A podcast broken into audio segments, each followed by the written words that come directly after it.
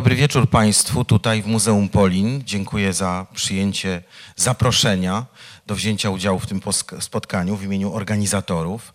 Witam też bardzo serdecznie y, słuchaczy Polskiego Radia RDC, którzy mogą y, za naszym pośrednictwem uczestniczyć w tym spotkaniu.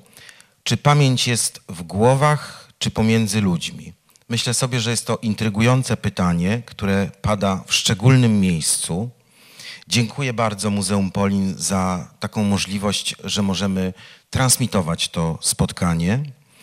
Zwłaszcza, że o, jednak, choć mówimy o pamięci, gorących sprawach, będą ludzie, mówić ludzie o chłodnych, naukowych umysłach. I antropolog kultury, i biolog, i antropolog, i historyk. Słowem uczta. Za chwilę oddam głos mistrzowi ceremonii pamięci tego wieczoru, panu dyrektorowi Dariuszowi Stoli. E, wcześniej, e, w związku z tym, że wszystko to dzieje się w ramach Festiwalu Nauki, pani Małgorzata Kosut w imieniu Rady Festiwalu. Nadzwyczajnie miło Państwa tutaj powitać y, na naszej kolejnej debacie. Mam nadzieję, że dobór prelegentów, dobór dyskutantów, panelistów stworzy taką synergię, która sprawi Państwu przyjemność, otworzy umysły i będziemy zasypani gradem pytań i komentarzy. Za chwilę pan dyrektor, ja jeszcze tylko dodam, że jeśli chodzi o transmisję, to mamy taki plan, żeby transmitować to spotkanie na antenie Polskiego Radia RDC do godziny 19.30, potem spotkanie pewnie z jakąś wewnętrzną jego dynamiką będzie toczyć się dalej, ale już bez możliwości słuchania go w Polskim Radiu RDC. Panie dyrektorze, oddaję panu głos. Dziękuję bardzo. Y, witam Państwa y, w murach Muzeum Historii Żydów Polskich, Muzeum Polin. Bardzo się cieszę, że możemy gościć tą właśnie debatę Festiwalu Nauki, ponieważ misją naszego muzeum, celem, do którego zostało powołane, jest ożywianie i kultywowanie pamięci o historii polskich Żydów. Tam się pojawia to słowo pamięć. Ja z Pamięcią stykam się z zawodu, jestem historykiem, notabene wychowankiem profesora Kuli, e, e, jednego z panelistów. I przez dłuższy czas patrzyłem na pamięć nieproblematycznie. No to jest coś, co mamy w głowach, pewne odbicie przeszłości. Dopiero kiedy jako akademicki, zawodowy historyk zacząłem się wgłębiać w wiarygodność relacji, które uzyskujemy, niejako wydobywamy z pamięci, okazało się, że to jest, jak wszystko na świecie, dużo bardziej skomplikowane. I właśnie dzisiaj o tej komplikacji będziemy mogli posłuchać z ust czwórki wybitnych specjalistów i co ważniejsze, pochodzących z bardzo różnych dziedzin.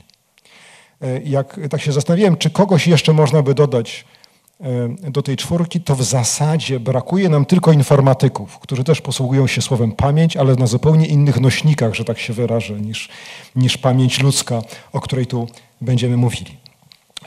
Pozwolą Państwo zatem, że przedstawię naszych, naszych szanownych panelistów poczynając od lewej strony, od Państwa prawej strony. E, pani dr Katarzyna Radwańska, kierownik pracowni molekularnych podstaw zachowania w Instytucie Biologii Doświadczalnej im. Nęckiego Polskiej Akademii Nauk w Warszawie, która prowadzi m.in. badania nad uzależnieniem e, od alkoholu u myszy, e, które mają szansę pomóc w zrozumieniu bardzo różnych chorób, w tym takiej choroby jak Alzheimera. E, i służą też pogłębieniu stanu naszej wiedzy na temat komórkowego i molekularnego podłoża pamięci. A zatem e, to, czym się zajmuję, to jest najgłębszy, najbardziej podstawowa warstwa naszego mówienia o pamiętaniu. E, obok niej siedzi profesor Jerzy Wetulani, psychofarmakolog, neurobiolog, biochemik, popularyzator nauki i jak samo sobie mówi, neuroentuzjasta, między innymi przewodniczący Komitetu Neurobiologii Polskiej Akademii Nauk, człowiek, członek Polskiej Akademii Umiejętności, doktora, doktor honoris causa Śląskiej Akademii Medycznej, bardzo często cytowany w prasie e, fachowej w kraju i zagranicy, autor wielu publikacji, w tym bloga o wdzięcznej nazwie Piękno neurobiologii. E, obok niego profesor Marcin Kula, historyk, jak wspomniałem, e, mój mistrz, który między innymi zajmował się materialnymi nośnikami pamięci, to znaczy źródłami wiedzy, skąd historycy śmią twierdzić cokolwiek o rzeczach, których osobiście nie widzieli, a głównie zajmujemy się rzeczami, których żeśmy nie widzieli, a nawet dochodzę do wniosku, że jak zajmujemy się rzeczami, które żeśmy widzieli, to zajmujemy się nimi gorzej niż tymi, których nie widzieliśmy, bo jesteśmy mniej krytyczni wobec własnych wspomnień niż wobec wspomnień innych ludzi. E, Profesor Kula e, au- jest autorem niezliczonej liczby książek i artykułów, a także e, wychowawcą chyba najliczniejszego grona doktorów historii w III Rzeczpospolitej. E, Oprócz tego, że jest członkiem PEN Klubu i Polskiego Towarzystwa Historycznego, to jest też członkiem Pols- Polskiego Towarzystwa Socjologicznego i sam pamiętam, jak na- nakłaniał mnie do tego, żeby czerpać pełną garścią teorii nauk społecznych, a nie tylko zamykać się w ogródku historyków. Wreszcie pani profesor Katarzyna Kaniowska, profesor w Zakładzie Teorii Badania Kultury Współczesnej w Instytucie Etnologii i Antropologii Kulturowej Uniwersytetu Łódzkiego. Jest teoretyczką i metodolożką. Zajmuje się problematyką pamięci w antropologii i humanistyce, a także refleksją etyczną w antropologii. Członkini Polskiego Towarzystwa Ludoznawczego Polskiego Instytutu Antropologii i European Association of Social Anthropologists. Członkini e, e, zarządu Komitetu Nauk Etnologicznych PAN. Także jak Państwo widzą, niezwykle szeroki wachlarz e, specjalizacji, za- zainteresowań, od czegoś bardzo materialnego i biologicznego po ch- humanistykę i to powiedziałbym taki metanaukę humanistyczną zajmującą się e, nie tylko treściami naszej wiedzy, ale też regułami, które nimi rządzą. E, Nasz pomysł na, na to spotkanie jest taki, że e, ja zadam kilka pytań. Wysłałem uczestnikom tych pytań znacznie więcej, ale chciałbym, żeby też e, Państwo je usłyszeli, a następnie oddamy, e, e, oddamy naszym gościom głos na mniej więcej 10 minut. Po tym cyklu 10-minutowych wystąpień będzie czas na zadawanie pytań uczestnikom. Już teraz zapraszam do notowania tych pytań w trakcie i zadawania ich później. Sądzę, że to jest zupełnie wyjątkowa okazja, żeby zadać jakieś pytanie dotyczące pamięci, a sądzę, że wszyscy, którzy się zebraliśmy z tego czy innego powodu się nią interesujemy i jednocześnie grupie tak zróżnicowanych i tak wybitnych specjalistów. E, Otóż poczynając od tego najbardziej fundamental, od tej najbardziej fundamentalnej warstwy pamięci, e, e, ciekaw jestem, co to jest materialny ślad pamięci. Znaczy, co to tak naprawdę jest i gdzie ona jest umiejscowiona. Tu już Państwo słyszeli pytanie, że czy pamięć mamy w głowach, czy też jest pomiędzy ludźmi. I może się wydawać, że to pytanie jest zupełnie chybione, tak? no bo oczywiście, że jeżeli gdzieś pamięć mamy w głowach, a nie w ręce czy w nodze, mam nadzieję, że się przekonamy, że to jest nie, może nie to, że to jest nieprawda, ale że bez zrozumienia tego, co dzieje się pomiędzy ludźmi, nie moglibyśmy zrozumieć tego, co się, co się dzieje w głowach. E, W szczególności nie moglibyśmy też zrozumieć, co się dzieje z naszą pamięcią w obliczu emocji. Na przykład dlaczego dużo lepiej zapamiętujemy rzeczy, wydarzenia, które wiązały się z emocjami. Jest taki klasyczny przypadek. e, e, Niemal wszyscy Amerykanie, którzy żyli w latach 60., pamiętali, co robili, gdy dowiedzieli się o, o zamachu na prezydenta Kennedy'ego. Właśnie dlatego na gwałtowny przypływ emocji, który utrwalił to jedno wspomnienie, aczkolwiek z upływem czasu przypominają sobie różne rzeczy. I tu dochodzimy do pytania, czy, czy pamięć jest czymś w rodzaju zapisu, tak jak kiedyś na błonie fotograficznej, a dzisiaj na matrycy y, aparatu cyfrowego, czy też jest konstruktem y, danej osoby, a może konstruktem całego społeczeństwa dużo liczniejszej grupy ludzi. E, e, Mnie też bardzo ciekawi, zwłaszcza, że skończyłem już 50 lat, czy pamięć można wspomagać? E, To jest takie pytanie praktyczne, ale w zawodzie kogoś, kto, kto na co dzień posiłkuje się pamięcią, e, e, chciałbym jeszcze przez przynajmniej kilkanaście lat móc, móc być historykiem, co w wypadku utraty pamięci mojej wewnętrznej może być bardzo trudne. Wreszcie pytanie, które zwłaszcza w tym muzeum wydaje mi się ważne, o relacje pomiędzy pamięcią a tożsamością.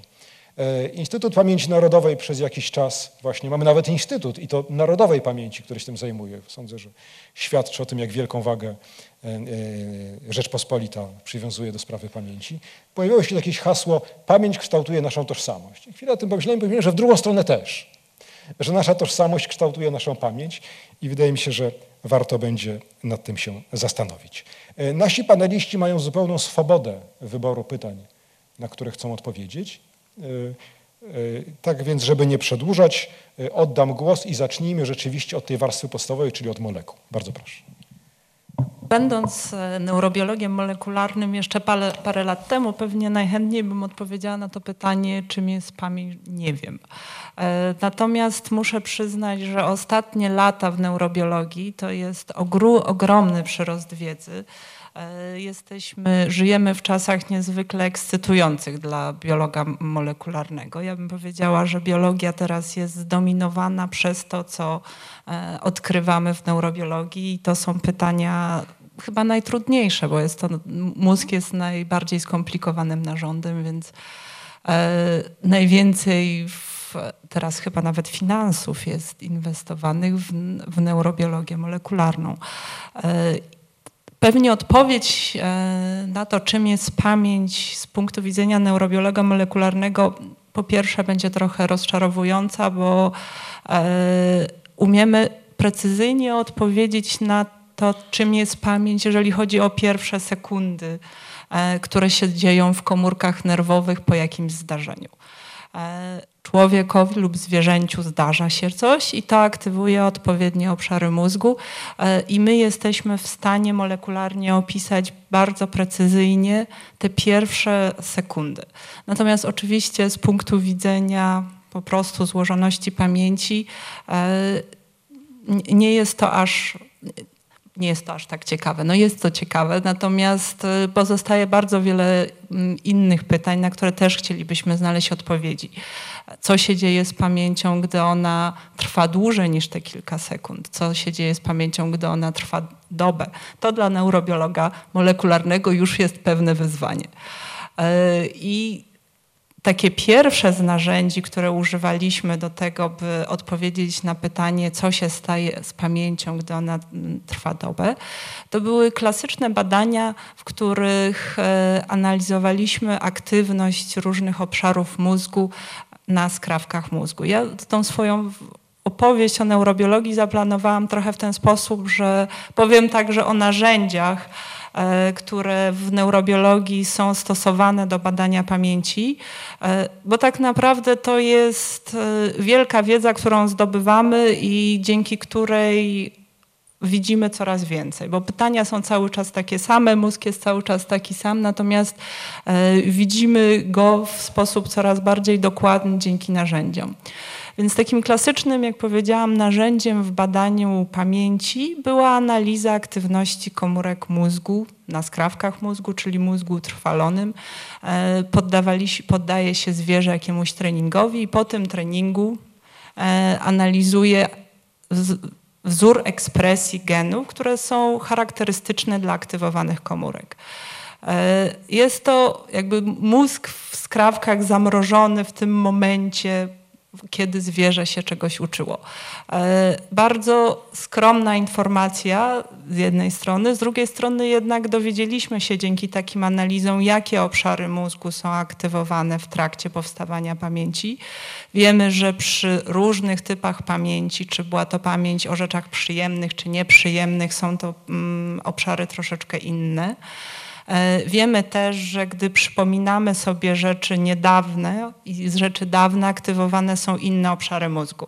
Ta pamięć rozchodzi się w zasadzie po całym mózgu od e, obszarów takich jak hipokamp, podstawowej struktury mózgu zaangażowanej w powstawanie pamięci, do obszarów korowych.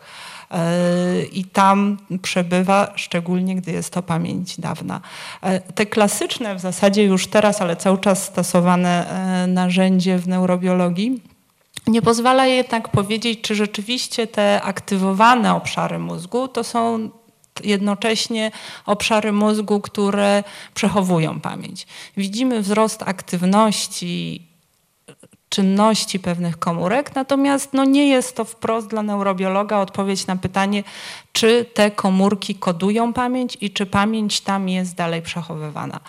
E, I dzięki postępom biologii molekularnej mogliśmy, możemy teraz już coraz lepiej odpowiedzieć na takie pytanie. Więc e, są zwierzęta modyfikowane genetycznie, które w tych tylko aktywnych po uczeniu się obszarach mózgu e, ma, produkują fluorescencyjne białka. Białka, które możemy obejrzeć pod mikroskopem. Wygląda to niesamowicie. Możemy wziąć takie zwierzę nieuśpione e, pod mikroskop i zobaczyć, że są w, w korze w różnych obszarach mózgu pewne grupy komórek, które są fluorescencyjne, są zielone. Możemy zobaczyć ich kształt. E, możemy obserwować to, e, te komórki w czasie. możemy wracać do tych samych komórek po miesiącu i zobaczyć, czy kształt tych komórek się zmienia. I w końcu możemy wetknąć w te komórki elektrody i zmierzyć ich aktywność elektrofizjologiczną. I dla neurobiologa to już jest e, jakby zestaw najważniejszych chyba informacji. Wiemy, jak komórka wygląda, jaki ma kształt, jak ten kształt się zmienia i wiemy, jakie ma właściwości elektrofizjologiczne. E, kolejnym postępem była możliwość modyfikowania aktywności tych komórek, e, bo już wiemy, że komórki jakoś tam się zmieniają w i wiemy to nie na utrwalonym skrawku, tylko w żywym zwierzęciu. E, natomiast czy możemy, modyfikując aktywność komórek sztucznie, tych, które przed chwilą były pobudzone w trakcie powstawania pamięci, zmienić ślad pamięciowy, to są ostatnie lata w neurobiologii, prace, które były publikowane w najlepszych czasopismach naukowych. E, I tutaj z pomocą przyszły nowe osiągnięcia, tak zwana optogenetyka i hemogenetyka. A więc biolodzy molekularni wymyślili niezwykły sposób, stworzyli zwierzęta modyfikowane genetycznie, w których, w tych, których to zwierząt właśnie w tych aktywnych komórkach mózgu e, tworzą się specyficzne receptory wrażliwe na światło lub wrażliwe na substancje chemiczne, których w mózgach nie ma. Oczywiście w mózgu ssaka nie ma receptorów wrażliwych na światło. E, natomiast takie receptory są w komórkach glonów i możemy taki receptor z genomu glonu przenieść do mózgu ssaka. I co się okazuje, że gdy poświecimy na obszar mózgu, w którym ulega ekspresji taki receptor, możemy zmienić zachowanie zwierzęcia. E, stworzyć sztuczny ślad pamięciowy lub zablokować, e, lub zablokować powstawanie śladu pamięciowego. E, opublikowano eksperymenty, w którym zwierzęta wkładano do pomieszczeń, które były bezpieczne E, wkładano następnie do pomieszczeń, w których zwierzę otrzymywało szok elektryczny. To zdarzenie indukowało w pewnych grupach komórek, właśnie tych aktywnych, ekspresję receptorów wrażliwych na światło. I się, co się potem okazało, że te same zwierzęta, gdy były wkładane do kontekstu bezpiecznego, bezpiecznego, dobrze im znanego, gdy poświecono im na te komórki mózgu, zachowywały się tak, jakby się bały. Czyli pamięć ich była modyfikowana. Ja myślę, że można tutaj z dużą łatwością wyobrazić sobie podobne zdarzenie u człowieka.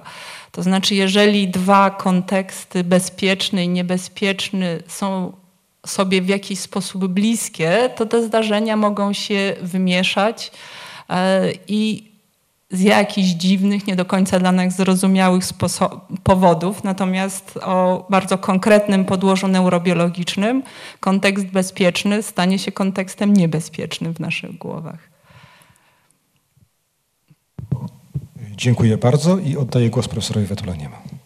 To fascynujące. Oczywiście, jak patrzymy na podłoże molekularne y, śladu pamięciowego, ale to oczywiście nie wszystko. Ja właściwie mam takie nastawienie ewolucyjne, przede wszystkim po co nam pamięć jest potrzebna, prawda? Bo pamięć to jest taka funkcja organizmu, która nam bardzo pozwala szybko y, powtarzać pewne rzeczy bez ponownego, ponownej straty czasu na to, żeby coś powtórzyć. I w związku z tym jest niesłychanie pożyteczna i dlatego też pamięć mają wszystkie zwierzęta, które wolno się poruszają w otwartym środowisku. Znaczy pamięci nie musi mieć ta siemiec na przykład, bo ma stałe środowisko, natomiast już proste, nawet yy, płazińce, najprostsze ze zwierząt, mają bardzo wyraźne odpowiedzi, i, i, które wskazują na to, że zwierzęta się uczą. Nawet na nich badano, gdzie yy, pamięć się lokuje. To były pierwsze badania, bo płacińce są taki wypławek biały, taki mały robaczek, jak on jest nieśmiertelny pod nożem. Podzieli się go na dwie części, każda część za chwilę staje się mniejszym, mniejszym wypławkiem. Jeszcze raz to znowu będą na przykład mają cztery wypławki i badano, czy pamięć, które zwierzę nabędzie, jak przepołowimy na przykład takiego wypławka, czy będzie się trzymała tylko w tej części, w której oryginalnie była głowa, czy w obu. Okazało się, że w obu, że pamięć jest taką ogólną rzeczą. I to po tym, jak my nawracamy, właściwie to się można uogólnić, bo my tak samo wiemy, że tę pamięć, jaką my się posługujemy, to po tym całym niesłychanie istotnej podbudowie molekularnej, to, to właściwie dotyczy całych sieci mózgowych i Faster na przykład twierdzi, że po prostu my mamy pewne rodzaje pamięci, z którym się rodzimy. Jest taka pamięć jak gdyby wszczepiona yy, i drugie rodzaje, i potem pamięć nabyta, która modyfikuje te pamięci podstawowe. Bez tych podstawowych wzorców pamięciowych, które na przykład powoduje to, że niemowlę położone na brzuchu natychmiast zwraca głowę w bok, żeby zaczerpnąć oddechu, czy niemowlę, jak mu się da patyk do dłoni, to ściska tę dłoń. To jest stara pamięć filetyczna, która została z małpiego okresu życia, kiedy te małe trzymało się kurczowo y, sierści matki, jak, jak się było gdzieś przenoszona. Więc pamięć tutaj jest rzeczywiście fenomenem bardzo złożonym. Interesowała ludzi od starożytności. I bo do pamięci można podchodzić na bardzo różne sposoby. Mnie na przykład bardzo podobało się takie średniowieczne spojrzenie na pamięć, w którym w średniowieczu sądzono, że pamięć jest jednym z wewnętrznych zmysłów duszy, bo prawda, było pięć zewnętrznych, wzrok, smak, dotyk, yy, yy, węch i yy, ale równocześnie było pięć wewnętrznych zmysłów duszy, prawda, i tam właśnie był, był rozum, był zmysł wspólny i jednym z tych wewnętrznych zmysłów duszy była pamięć. Więc to jest takie ładne, poetyckie, wszyscy o tym jak gdyby zapominają.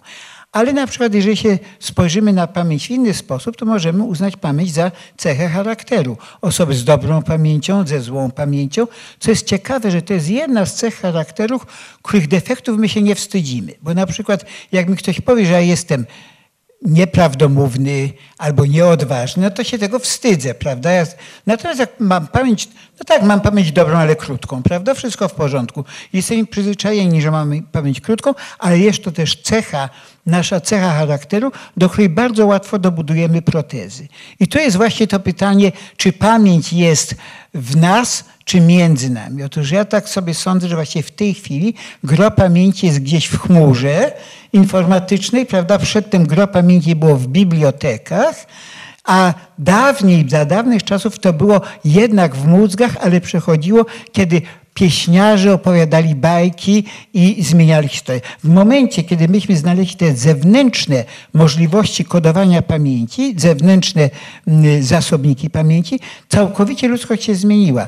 Wszystkie opowieści bez księgi, mitologie, to były zbiory opowiastek niespecjalnie dobrze skodyfikowane bez kanonów. W momencie, kiedy powstały księgi, mamy rozwój wielkich religii i nagle to zmieniało, zmieniło nam całą cywilizację. Czyli, że posiadanie możliwości utrwalenia pamięci na zewnątrz od nas, ale korzystanie z tych zasobów, to jest coś, co nam umożliwiło rozwój. Ale też na pamięć można spojrzeć w inny sposób. Co my pamiętamy, jak pamiętamy? Już tu pani profesor właśnie zauważyła, że, że mamy tą pamięć po jednym dniu, po dwóch dniach, po dwóch latach, prawda? I teraz jak sobie zobaczymy, mam na przykład taką pamięć, taką normalną taką pamięć, której się uczymy, pamięć yy, taką, yy, to, jest, to nie jest ta pamięć krótkotrwała, taka, która natychmiast powstaje, ale mamy pamięć zdarzeń, pamięć faktów. Wiemy, że coś się zdarzyło. Na przykład przyjechaliśmy tu do Muzeum Polin i to jest jeden typ pamięci,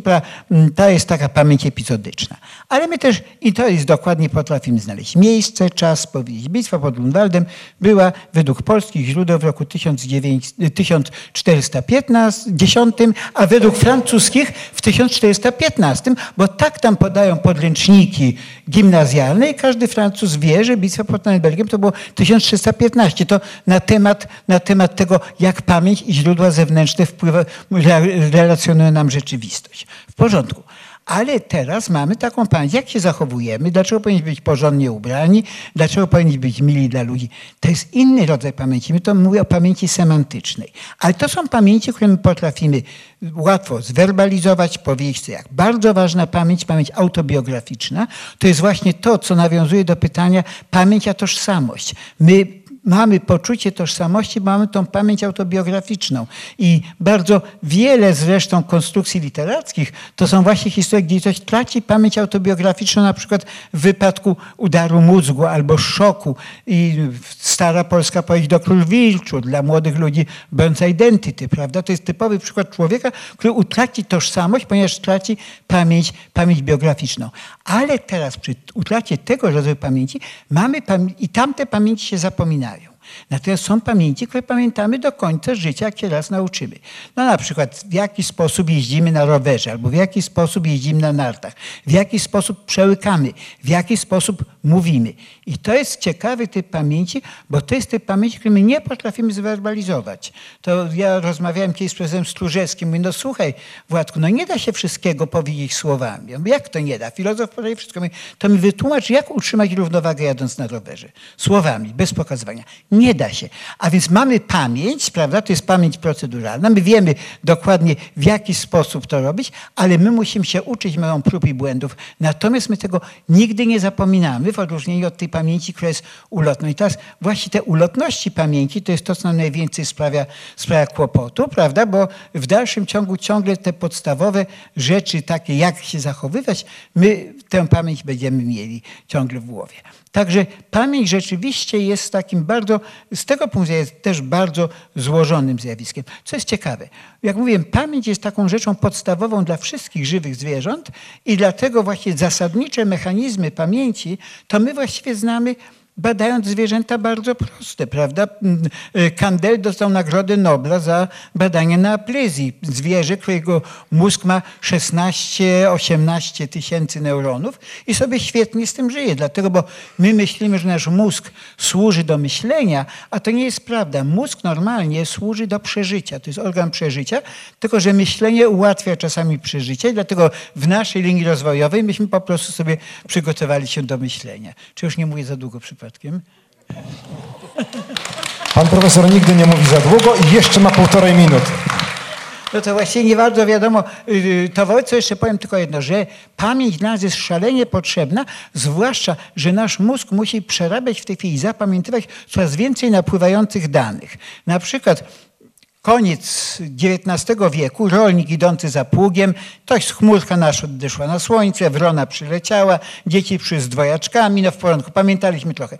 Teraz jedziemy ruchliwą ulicą samochodem, my mamy w przeciągu minuty, jesteśmy bombardowani olbrzymią ilością rzeczy, które musimy zaobserwować, zareagować, zapamiętać, jeżeli sobie potrzeba. W związku z tym nasz mózg w tej chwili jak gdyby wyskoczył poza to, co planowała ewolucja. Ale nasza ewolucja umożliwiła nam metody wspomagania pamięci. Są różne metody wspomagania pamięci i teraz na ten temat mógłbym mówić następne nie 10 minut, tylko pół godziny, ale ogólnie mówiąc, że można to wspomagać i metodami mnemotechnicznymi, bardzo przydatne, jeżeli potrafimy robić odpowiednie skojarzenia. Na przykład ja y, dobrze pamiętam wysokość Fujiyama, ale tylko w stopach angielskich, bo to jest 12 365 stóp. A dlaczego? Bo sobie skojarzyłem z rokiem. 12 miesięcy, 365 dni. Pamiętam.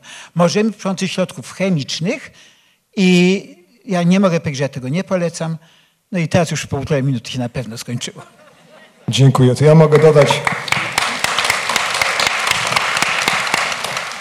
Nie wiem, czy to pamięć o dacie bitwy pod Grunwaldem została utrwalona dzięki recepturze na bimber, czy odwrotnie.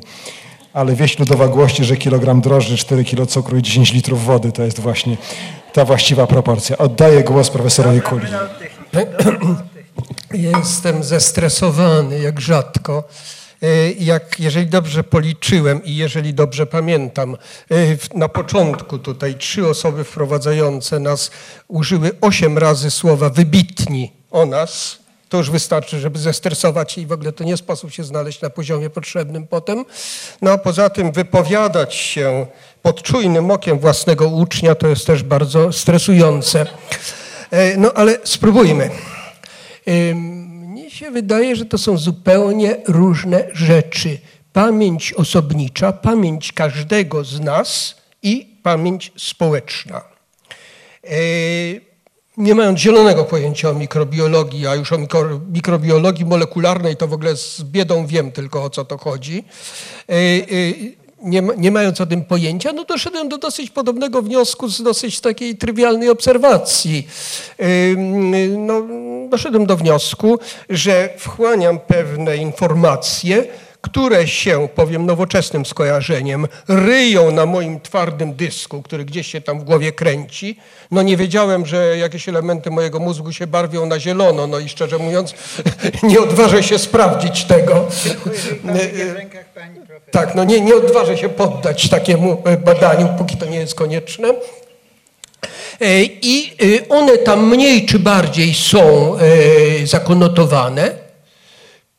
Czasami się, czasami wracają, ale to znaczy, że są po latach.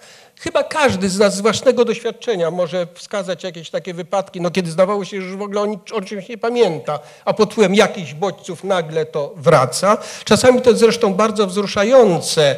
E, Dam przykład e, e, profesora Steinhausa. To taki jeden z najwybitniejszych, może i najwybitniejszy polski matematyk, który zmarł w 1972 roku. W ostatnim okresie życia już nie było z nim kontaktu. I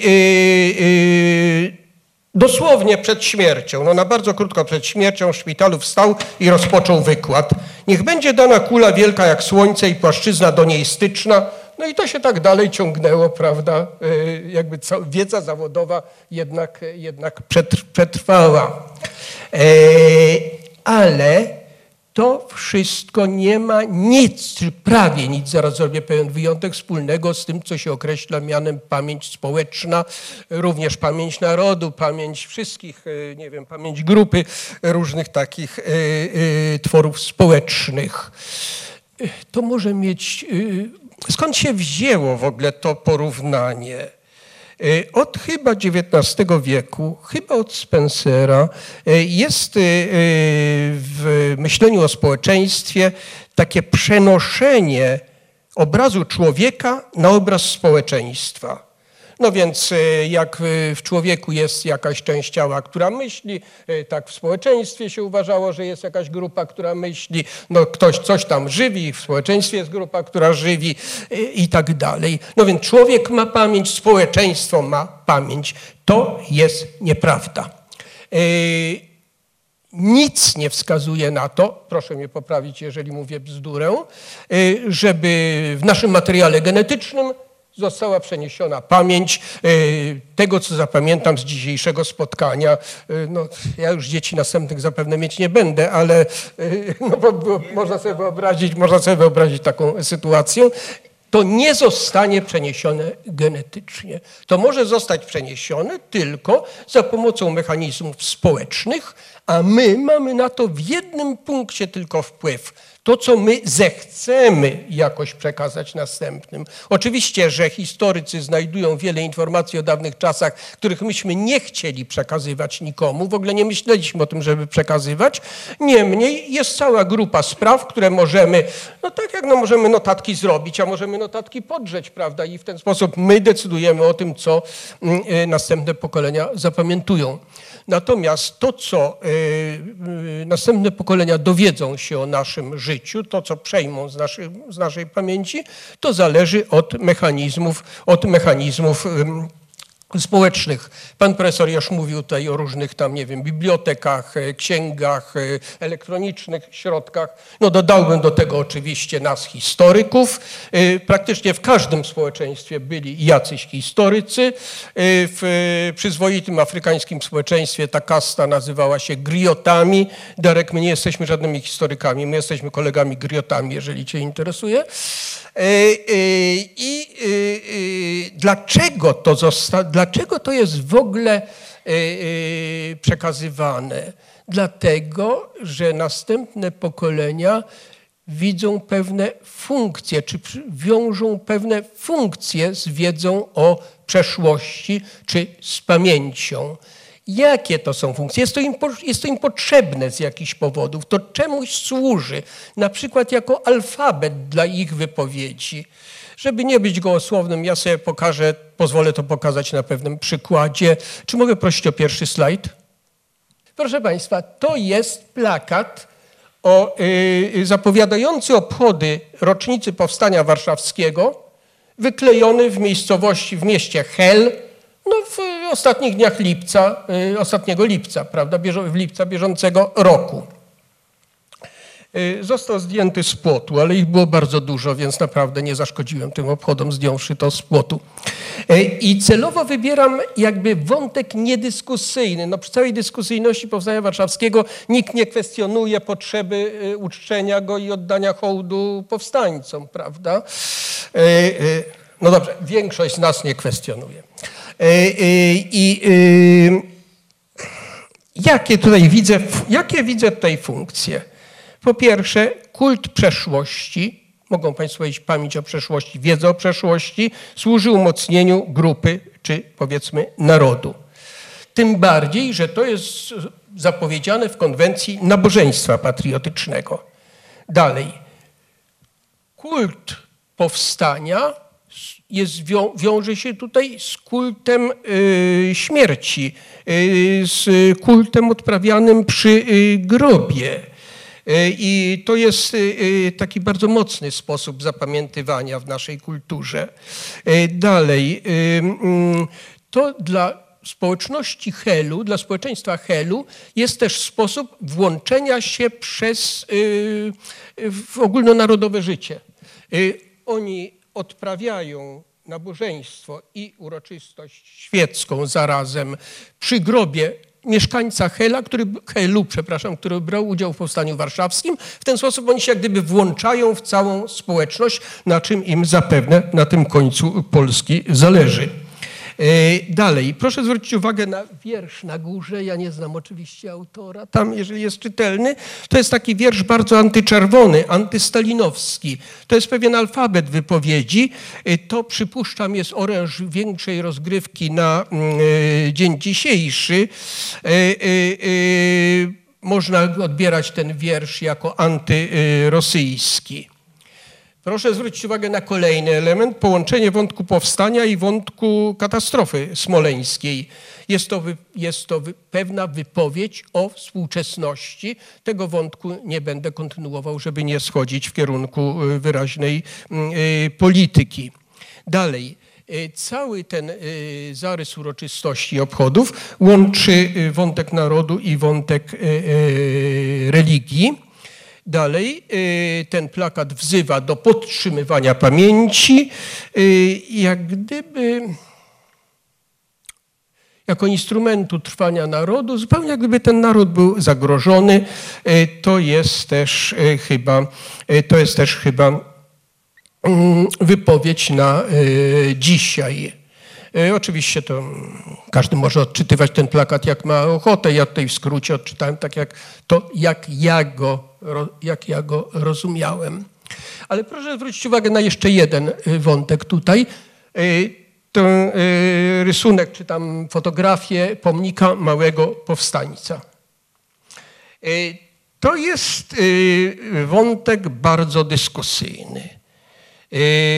Jeszcze w czasie powstania warszawskiego Aleksander Kamieński, nie, nie muszę zapewne tłumaczyć, y, kim była ta postać, y, nie znosił, będąc redaktorem naczelnym Biuletynu Informacyjnego Akowskiego, nie znosił, wyrzucał autorów, którzy mu przynosili artykuły o bohaterstwie dzieci w powstaniu.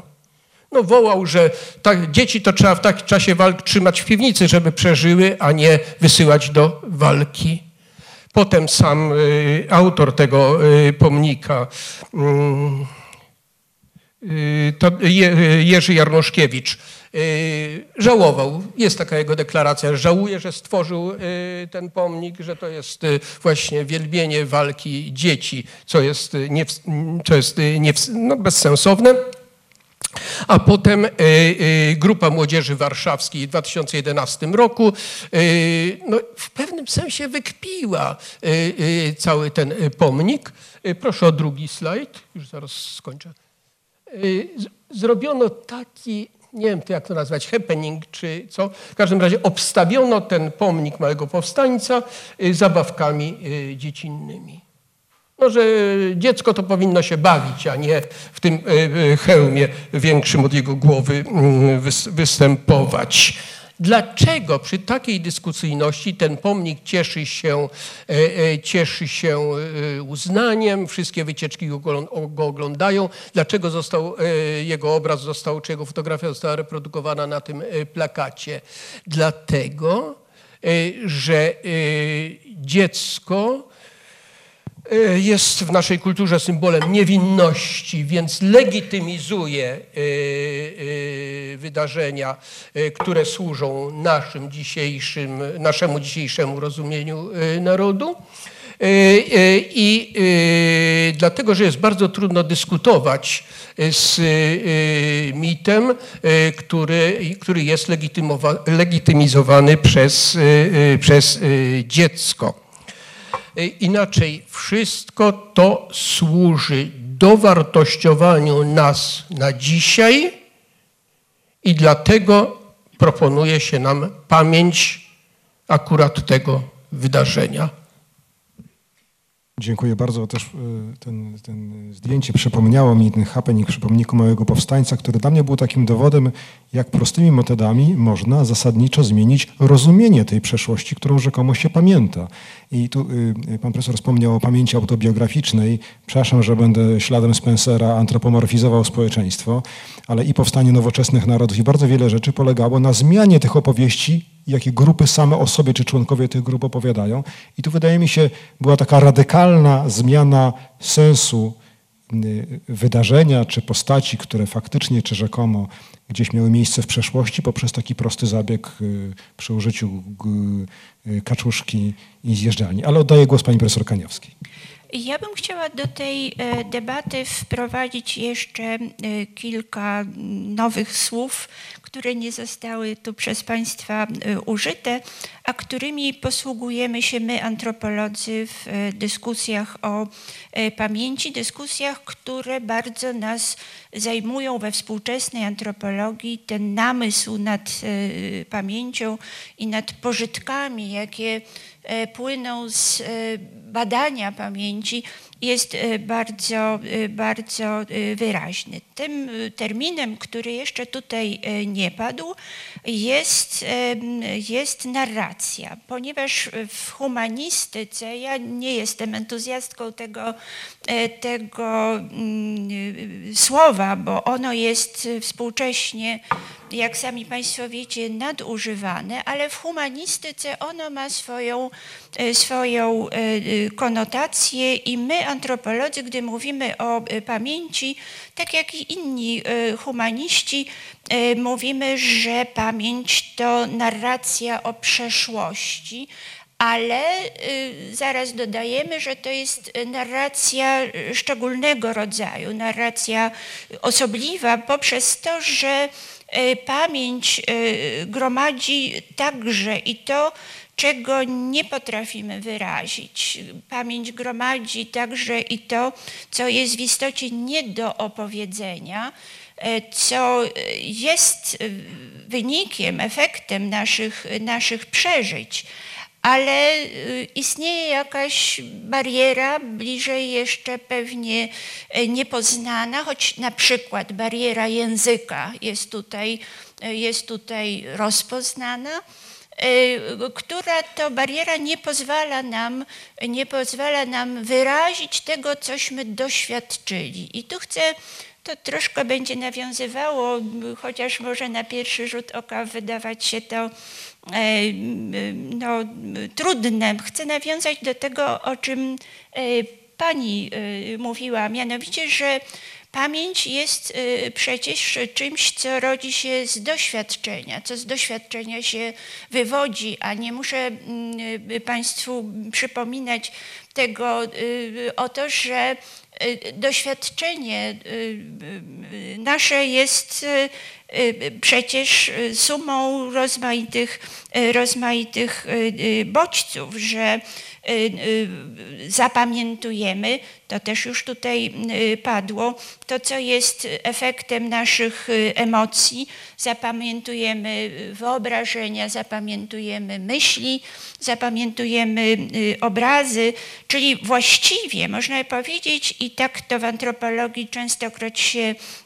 robi, można by powiedzieć, że pamięć jest y, świadectwem y, doświadczenia, ale pozwala nam to podejść do y, tej y, kwestii dwojako, bo można by powiedzieć tak, oto pamięć jest zapisem doświadczenia, ale można tak, y, można również spojrzeć na to inaczej i powiedzieć sobie, pamięć jest przedstawia nasze doświadczenie, prawda? Jest jakimś tego doświadczenia przetworzeniem. To drugie mm, jest mi e, bliższe. Nie muszę Państwa przekonywać, że w ślad za tym idzie cały szereg e, trudności natury teoretycznej, e, trudności natury, mm, szereg trudności natury metodologicznej, jak znaleźć metody, jakie narzędzia tutaj zastosować, by tę nieuchwytną materię jednakże no chociażby opisać, prawda? Nie mówię już o mm, tłumaczeniu czy interpretacji, ale y, jeśli powiedziałam, że chcę wprowadzić tutaj y, do naszej, mm, naszych wystąpień y, nowe wątki, to chcę się odnieść do trzech z tych pytań, które w spisie zagadnień, wokół których nasze myśli powinny tutaj krążyć, Państwo, państwo sformułowali. Otóż ja bym się chciała zatrzymać przy trzech pytaniach, króciutko. Jedno z nich jest e, pytaniem następującym. Jaka jest relacja między pamięcią a tożsamością? To jeszcze tutaj, jeszcze tutaj nie y, wybrzmiało, że tak powiem. E, my, antropolodzy, zajmujemy się tą y, relacją jakby powiedzieć, w dwóch y, poziomach, tak, czy jakby na dwóch y, polach.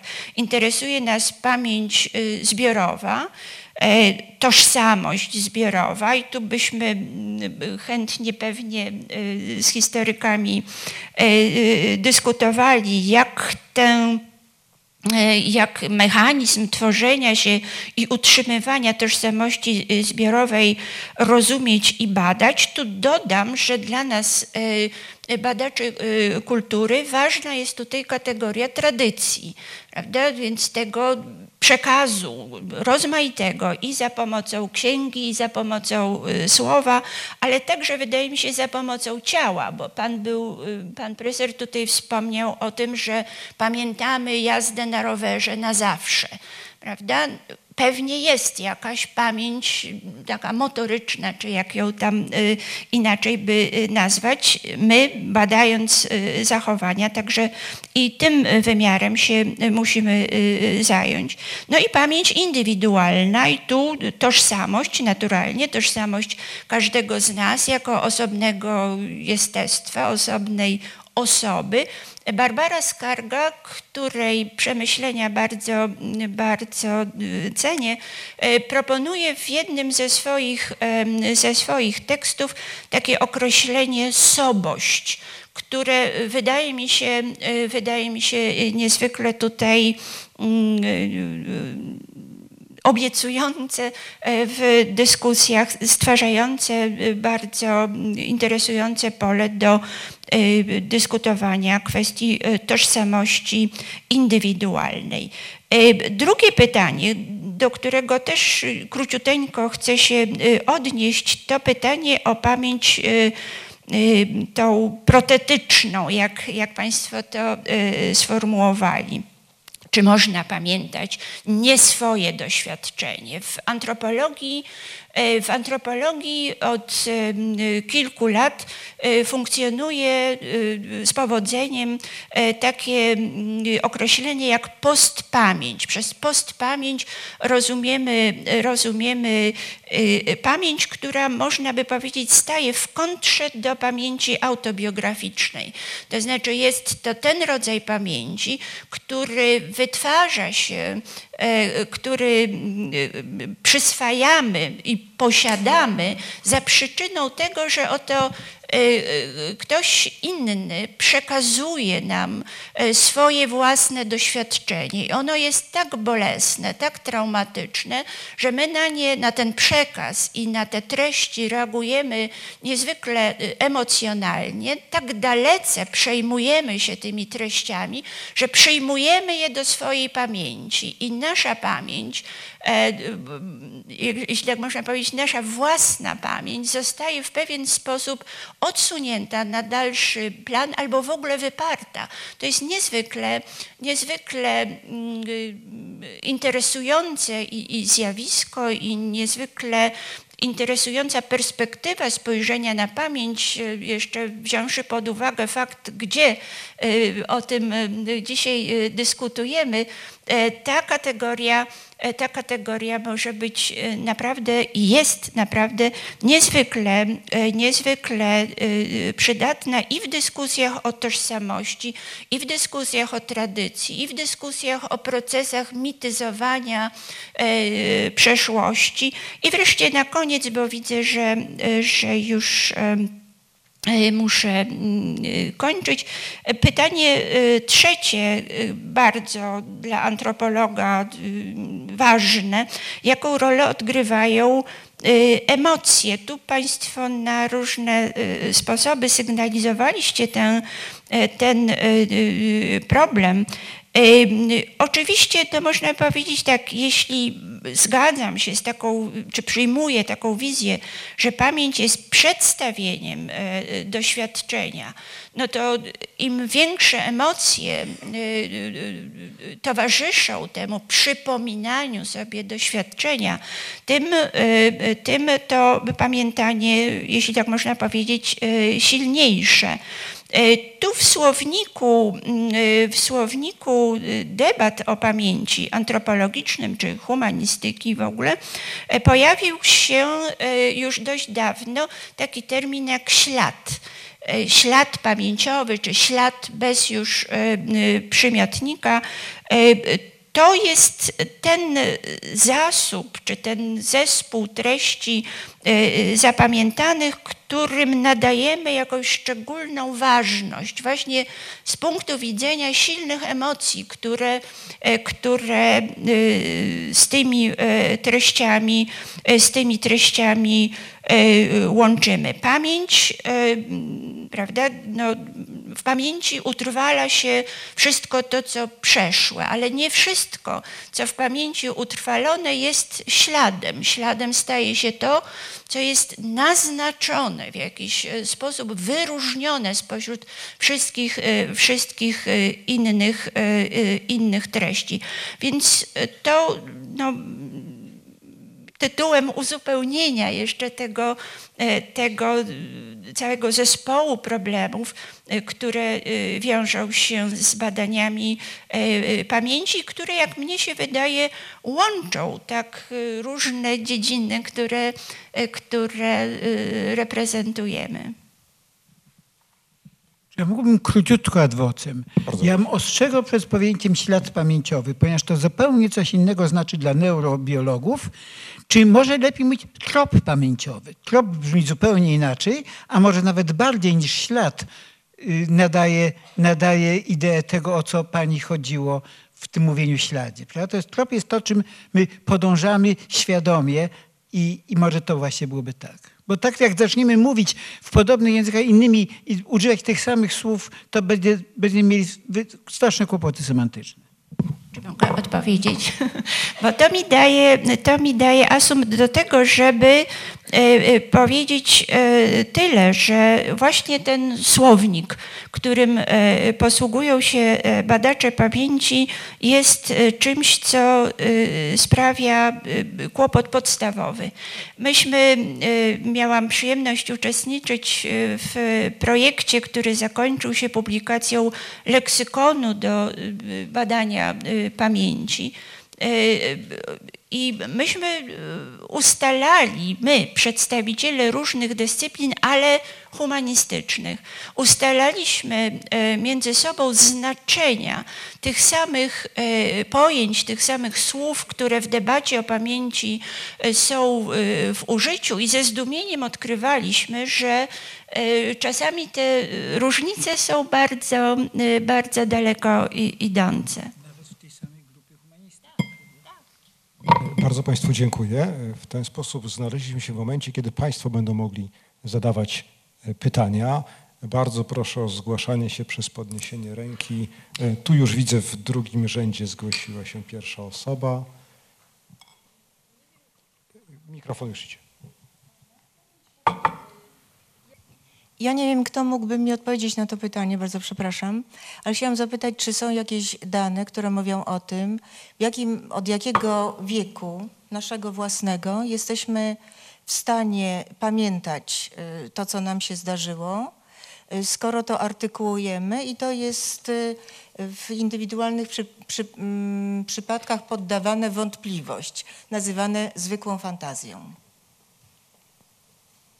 Może z tego, co ja wiem, to uważa się, że zwykle w tym samym pamiętamy tak naprawdę, chociażby w zarysie jakieś zdarzenia, w tym samym okresie zaczynamy je zapamiętywać, y, w którym następuje pojawienie się świadomości badanej testem lustra. To znaczy, jak ja potrafię w lustrze siebie rozpoznać jako ja, co jest takim technicznym, ale bardzo użytecznym y, modelem tego, czy ja już jestem świadomy. To głównie chodzi o zwierzęta, czy zwierzę ma świadomość istnienia samego siebie, czy nie.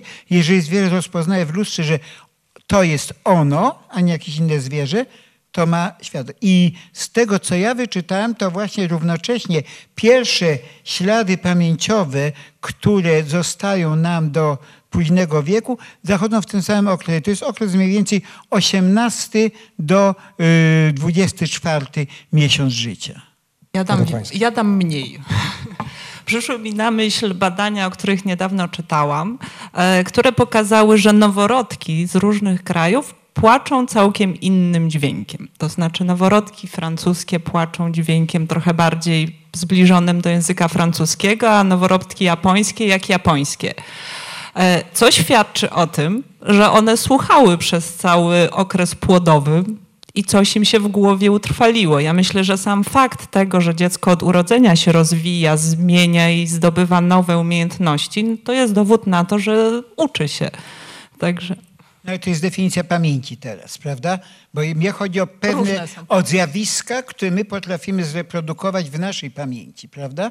Że ja pamiętam, że tata mnie brał na błędną halę, kiedy miałem lat trzy, a na pewno nic nie pamiętam z tego, co się działo, jak miałem rok. Chociaż niektórym się wydaje, że wiem. To znaczy ja świadomie nie pamiętam. Oczywiście pamiętam kilka, mnóstwo rzeczy. Pamiętam, jak podnosić rękę, jak łyżeczkę, jak mówić. Także ta pamięć jest. Tylko ta pamięć, o którą ja tutaj była pytanie, czyli taka właśnie pamięć, y, kawałki pamięci epizodycznej, one z tego, co ja wiem, właśnie wychodzą wtedy, kiedy mózg już jest dostatecznie ukształtowany, żeby, żeby mieć to poczucie własnego istnienia.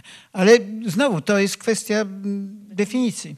Jak, jak Państwo widzą na pytanie, które wydawałoby się niezbyt skomplikowane, możemy mieć dwie różne odpowiedzi, ale one przybliżają nam, że na różne sposoby możemy rozumieć to podstawowe słowo, prawda? Czy chodzi nam o świadome przypominanie, czy o coś innego. Wydawało mi się, z tamtej strony ktoś podnosił rękę, niech podniesie raz jeszcze, bo nie widziałem. Dzień dobry. E, Bardzo zaintryg- zaintrygował mnie problem pamięci nieswojej, właśnie to, co pani profesor wspomniała, że można mieć czyjeś wspomnienia i tak przenosząc to na pole neurobiologii molekularnej, ciekaw jestem, czy te myszy transgeniczne, e, które obserwowałyby przykre zdarzenie dla innej myszy, również odtworzyłyby podobny ślad i później po naświetleniu reagowały strachem przed pułapką, pomimo że nie im przydarzyło się, czy mysz jest zwierzę w stanie obserwować w ten sposób. Kolega jest doktorantem u nas w instytucie. Ja myślę, że powinien pamiętać, że takie badania są u nas w instytucie robione. Nie w mojej pracowni, w pracowni profesor Eweliny Knapskiej. E, Badają, nazywają to empatię zwierząt, to znaczy odczuwanie. Myszy, podobnie jak ludzie, wobec zwierzęcia tego samego gatunku lub innego, zagrożonego lub szczęśliwego, odczuwają podobne uczucia i to można zmierzyć na poziomie molekularnym w mózgu. Jest, są zmiany aktywności mózgu, które przypominają w jakiś sposób e, strach odczuwany przez siebie, doznawany, przy, przykre uczucia swoje. Obserw- Mogę po się- prostu obserwują. Przepraszam, czy mogę się włączyć, bo akurat przypadek zrządził, że mam y, przy sobie krótką notatkę zamieszczoną w sierpniu tego roku przez Gazetę Wyborczą, z której wynika, że naukowcy, tutaj cy- cytuję, naukowcy po raz pierwszy dowiedli, że u ludzi istnieje dziedziczenie epigenetyczne, a czynniki środowiska, jak na przykład życie w stresie, mogą wpływać na geny i być przekazywane następnego, następnemu pokoleniu. Jak to możliwe, no to już nie, nie przeczytam, ale rozumiem, że, y, że jest to przynajmniej teoretycznie możliwe i jest to przedmiotem badań już y, nie na zwierzętach, tak tylko Szczerze mówiąc, badań na ludziach nie znam, natomiast rzeczywiście na zwierzętach to myślę, że pewnie od 20 lat już wiadomo, że to, co się przekazuje potomstwu, to nie tylko sekwencja DNA, ale także to, że ta sekwencja może być jakoś tam zmieniona, mody- zmodyfikowana w ten sposób, że geny, ten sam gen o, ten, o tej samej sekwencji u jednego potomka będzie ulegał ekspresji na bardzo wysokim poziomie, u drugiego potomka będzie ulegał ekspresji na niskim poziomie i to będzie zmieniało e, zachowanie potomstwa. Są badania na myszach, które pokazują, że e, zależnie od tego, czy matka jest troskliwa, czy nietroskliwa, zmieniają się właśnie ten kod epigenetyczny u potomstwa, który potem jest przekazywany, więc e, takie cechy nie tylko są przekazywane przy, na poziomie psychologicznym i zachowania, ale także na poziomie biologicznym. Bo całe pytanie jest właśnie znowu, o ile, ile to jest pamięć, ile to nie jest pamięć, ile jest przechowanie pewnych postaw. Ja na przykład, były takie ciekawe prace, które miały na celu y, oczywiście potępienie marihuany i powiedziano, że matki, które w ciąży palą marihuanę, ale tak samo, które palą tytoń albo używają alkoholu, to mają dzieci o trochę o subtelnie zmienionym behawiorze w porównaniu z matkami, które niczego takiego nie używają. No i to miało być przeciwko tym substancjom. Mnie się wydaje, że to jest co innego. Były matki troskliwe, które dbały o to, żeby nic złego się nie stało w czasie ciąży i powstrzymywały się od różnych używek i matki niefrasobliwe, które piły, paliły, jarały, prawda? No i w związku z tym to, to, to były inne, inne matki, inne dzieci, a nie substancje, prawda, które tam wpływały. Na- Mamy, proszę, mamy już kolejkę pytań. Natomiast co jest ciekawe, co ja chciałem powiedzieć, że istnieją możliwości jednak wszczepiania jak gdyby śladów pamięciowych, to normalny psychoterapeuta potrafi zrobić, bo mamy taką sytuację, że normalnie jak my coś przyjdzie pamięć krótkotrwała, musi przejść przez okres konsolidacji i przechodzi w pamięć trwałą. Jeżeli my te ślady pamięci trwałej znowu chcemy użyć, to my musimy dokonać znowu przerzucić te ślady do pamięci roboczej i potem następuje proces rekonsolidacji, żeby znowu z powrotem to weszło do pamięci. I w tym procesie rekonsolidacji można zaburzyć te ślady pamięciowe i to potrafi sprawny śledczy, potrafi wmówić na przykład przesłuchiwanemu, że coś zrobił tak, że ten przesłuchiwany jest przekonany, że to była prawda. Była taka ładna książka Try to Remember, napisana przez amerykańskiego psychiatrę, do którego zwróciło się trzech jego przyjaciół oskarżonych o to, że y, molesto ich córki, y, że oni molestowali córki czy jakieś tam nieletnie dziewczyny. I to, a cały profil y, psychologiczny tych ludzi wykazywał, że to jest dość nieprawdopodobne. I w momencie, kiedy ten psychiatra przejął badania, okazało się, że było wiele takich przypadków w Stanach, ale że wszystkie te przypadki to były panie leczone na depresję przez dwóch psychoterapeutów z takim analitycznym zacięciem. Psychoterapeuta wierzy, y, jeżeli ma takie zacięcie psychoanalityczne, że każda rzecz, na przykład depresja, musi mieć jakąś przyczynę w postaci traumy w okresie dziecinnym. I tak długo zadaje pytania, i tak długo prowadzi dyskusje, i tak robi psychoterapię, że w końcu ta osoba jest przekonana, że jest to święta prawda, co ona potem mówi. I to, to nie może być, że ta osoba kłamie. Możemy naprawdę, i to psychoterapeuta bez leków może zmienić, wszczepić ślad pamięciowy innej osoby. Także szerzmy się psychoterapeutów. Dodam, jest, Jest takie sądowe powiedzenie, że kłamie jak naoczny świadek, ale oczywiście ono jest nieprawdziwe, bo owszem, naoczni świadkowie często mówią nieprawdę, ale to nie znaczy, że kłamią świadomie, mówią szczerze przekonani, że stało się tak, jak opowiadali. E, Następny w kolejce z pytaniem jest tam pan w górze sali, bardzo proszę. To, co pan przed chwilą powiedział, można określić jako uogólnienie czy rozwinięcie zasady doktora Goebbelsa, że kłamstwo wystarczająco dużo razy i odpowiednio powtórzone staje się prawdą.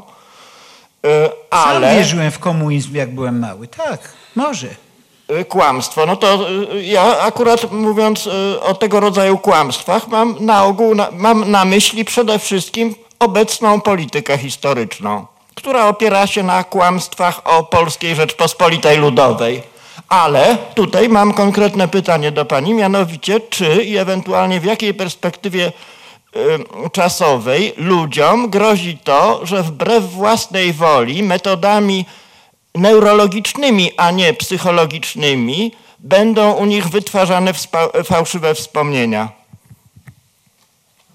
Dosyć dramatyczna wizja antyutopii. Ale może to będą dobre wspomnienia. Wszystko zależy od środków, jakie Czy może okaże się, że to nieprawda, że przez pierwszy dzień w przedszkolu płakałem bez przerwy.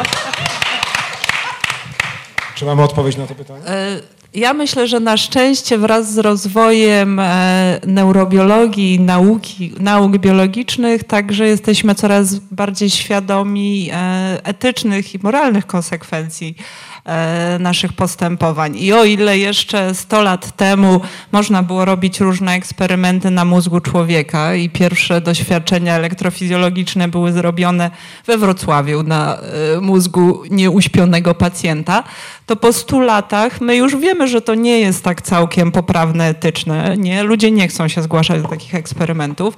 E, I na szczęście zaczynamy używać w tym celu e, zwierząt laboratoryjnych. Świadomość konieczności ograniczenia badań na zwierzętach laboratoryjnych też jest coraz większa i są pełne zalecenia, by robić to w sposób e, jak najbardziej kontrolowany, rozsądny, ograniczony i zredukowany, czyli w- redukować do systemów, w których osobnik jak najmniej cierpi.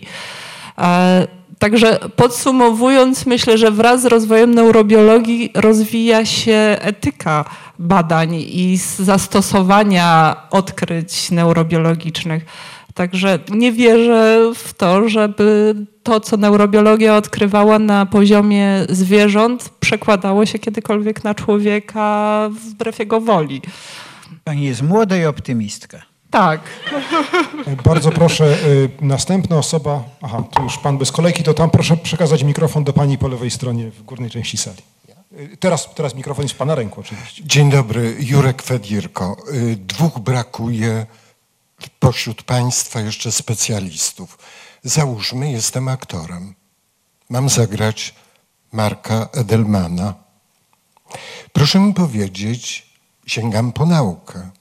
Proszę mi powiedzieć, czy bardziej Hanna Kral, która wzdążyć przed Panem Bogiem mówi o tym, że najważniejszy element Marka Edelmana to jest cudowny, czerwony, moherowy sweter. Tak zaczyna i z tego buduje postać.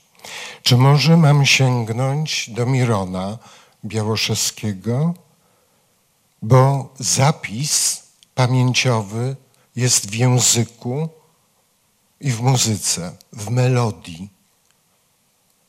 On w 1970 roku zapisuje 1944. Więc pytam Państwa, bo to jest zawód, mój zawód aktora, który jest zawodem pamięci. Co mam zrobić? Jak? A po drugie, i drugie pytanie od razu do panów, bo macie ogromne poczucie humoru, a w nauce to jest niezbędne. To proszę powiedzieć, ja pochodzę z takiego małego miasta prowincjonalnego galicyjskiego, w którym w pewnym momencie, ja jestem instruktorem harcerskim także, kazano nam budować izby pamięci. Czy panowie pamiętacie? I czy to było zarządzona tożsamość, w której autobiografia była niezbędna, czy to może było odwrotnie? Dziękuję bardzo. Kto się odważy powiedzieć, jak najlepiej uobecnić Marka Edelmana? Ja się nie podejmę odpowiedzi na takie pytanie, tym bardziej, że ja mam y, inne wyobrażenie, bo to tylko wyobrażenie o zawodzie aktora. Mnie się wydaje, że aktor jest człowiekiem, który wykorzystuje emocje przede wszystkim, no i wiedzę.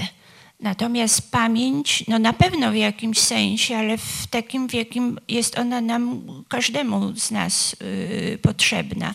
Nie umiem wprost odpowiedzieć, chyba nikt z nas nie udzieli panu yy, na to pytanie, czy właściwie to jakaś wątpliwość, a nie pytanie, nie udzieli y, y, odpowiedzi. Naturalnie, wie pan, no można by było pewnie, można by było pewnie iść y, w kierunku jakichś, no nie wiem, wykorzystania jakichś emocji właśnie, prawda? Ale nie mam tutaj jakiejś, nie mam tutaj jakiejś recepty, bo i ta droga byłaby jest na pewno zwodnicza, bo są wśród nas tacy, którzy lepiej pamiętają wtedy, kiedy silnie przeżywają e, jakieś e, sytuacje i są tacy, ja do takich należę, e, którym silne emocje zaburzają pamięć. Ja nie pamiętam wielu faktów z tych sytuacji, które mocno mnie dotknęły. Jeżeli, jeżeli ja mógłbym cośkolwiek powiedzieć, y, chociaż też mój kontakt z aktorstwem to się sprowadza obecnie do gadającego psa, ale to jest taki kabaret w Krakowie, bardzo polecam, y, to wydaje mi się, że tu ważną rzeczą, jak się próbuje budować jakąś postać, to jest spróbować przede wszystkim pozbyć się anachronizmu. W momencie, kiedy my na przykład, to jest jak my opisujemy na przykład, no nie wiem, zachowanie właśnie Żydów w jakiejś sytuacji, my bardzo często y, przyjmujemy nasze obecne spokojne siedzenie. Ja siedzę sobie w tej chwili spokojnie na fotelu, nic mi się nie dzieje. Ja teraz mam dyskutować o tym, czy pielęgniarki żydowskie, które podawały dzieciom, które miały być wolne do treblinki, robiły dobrze czy źle.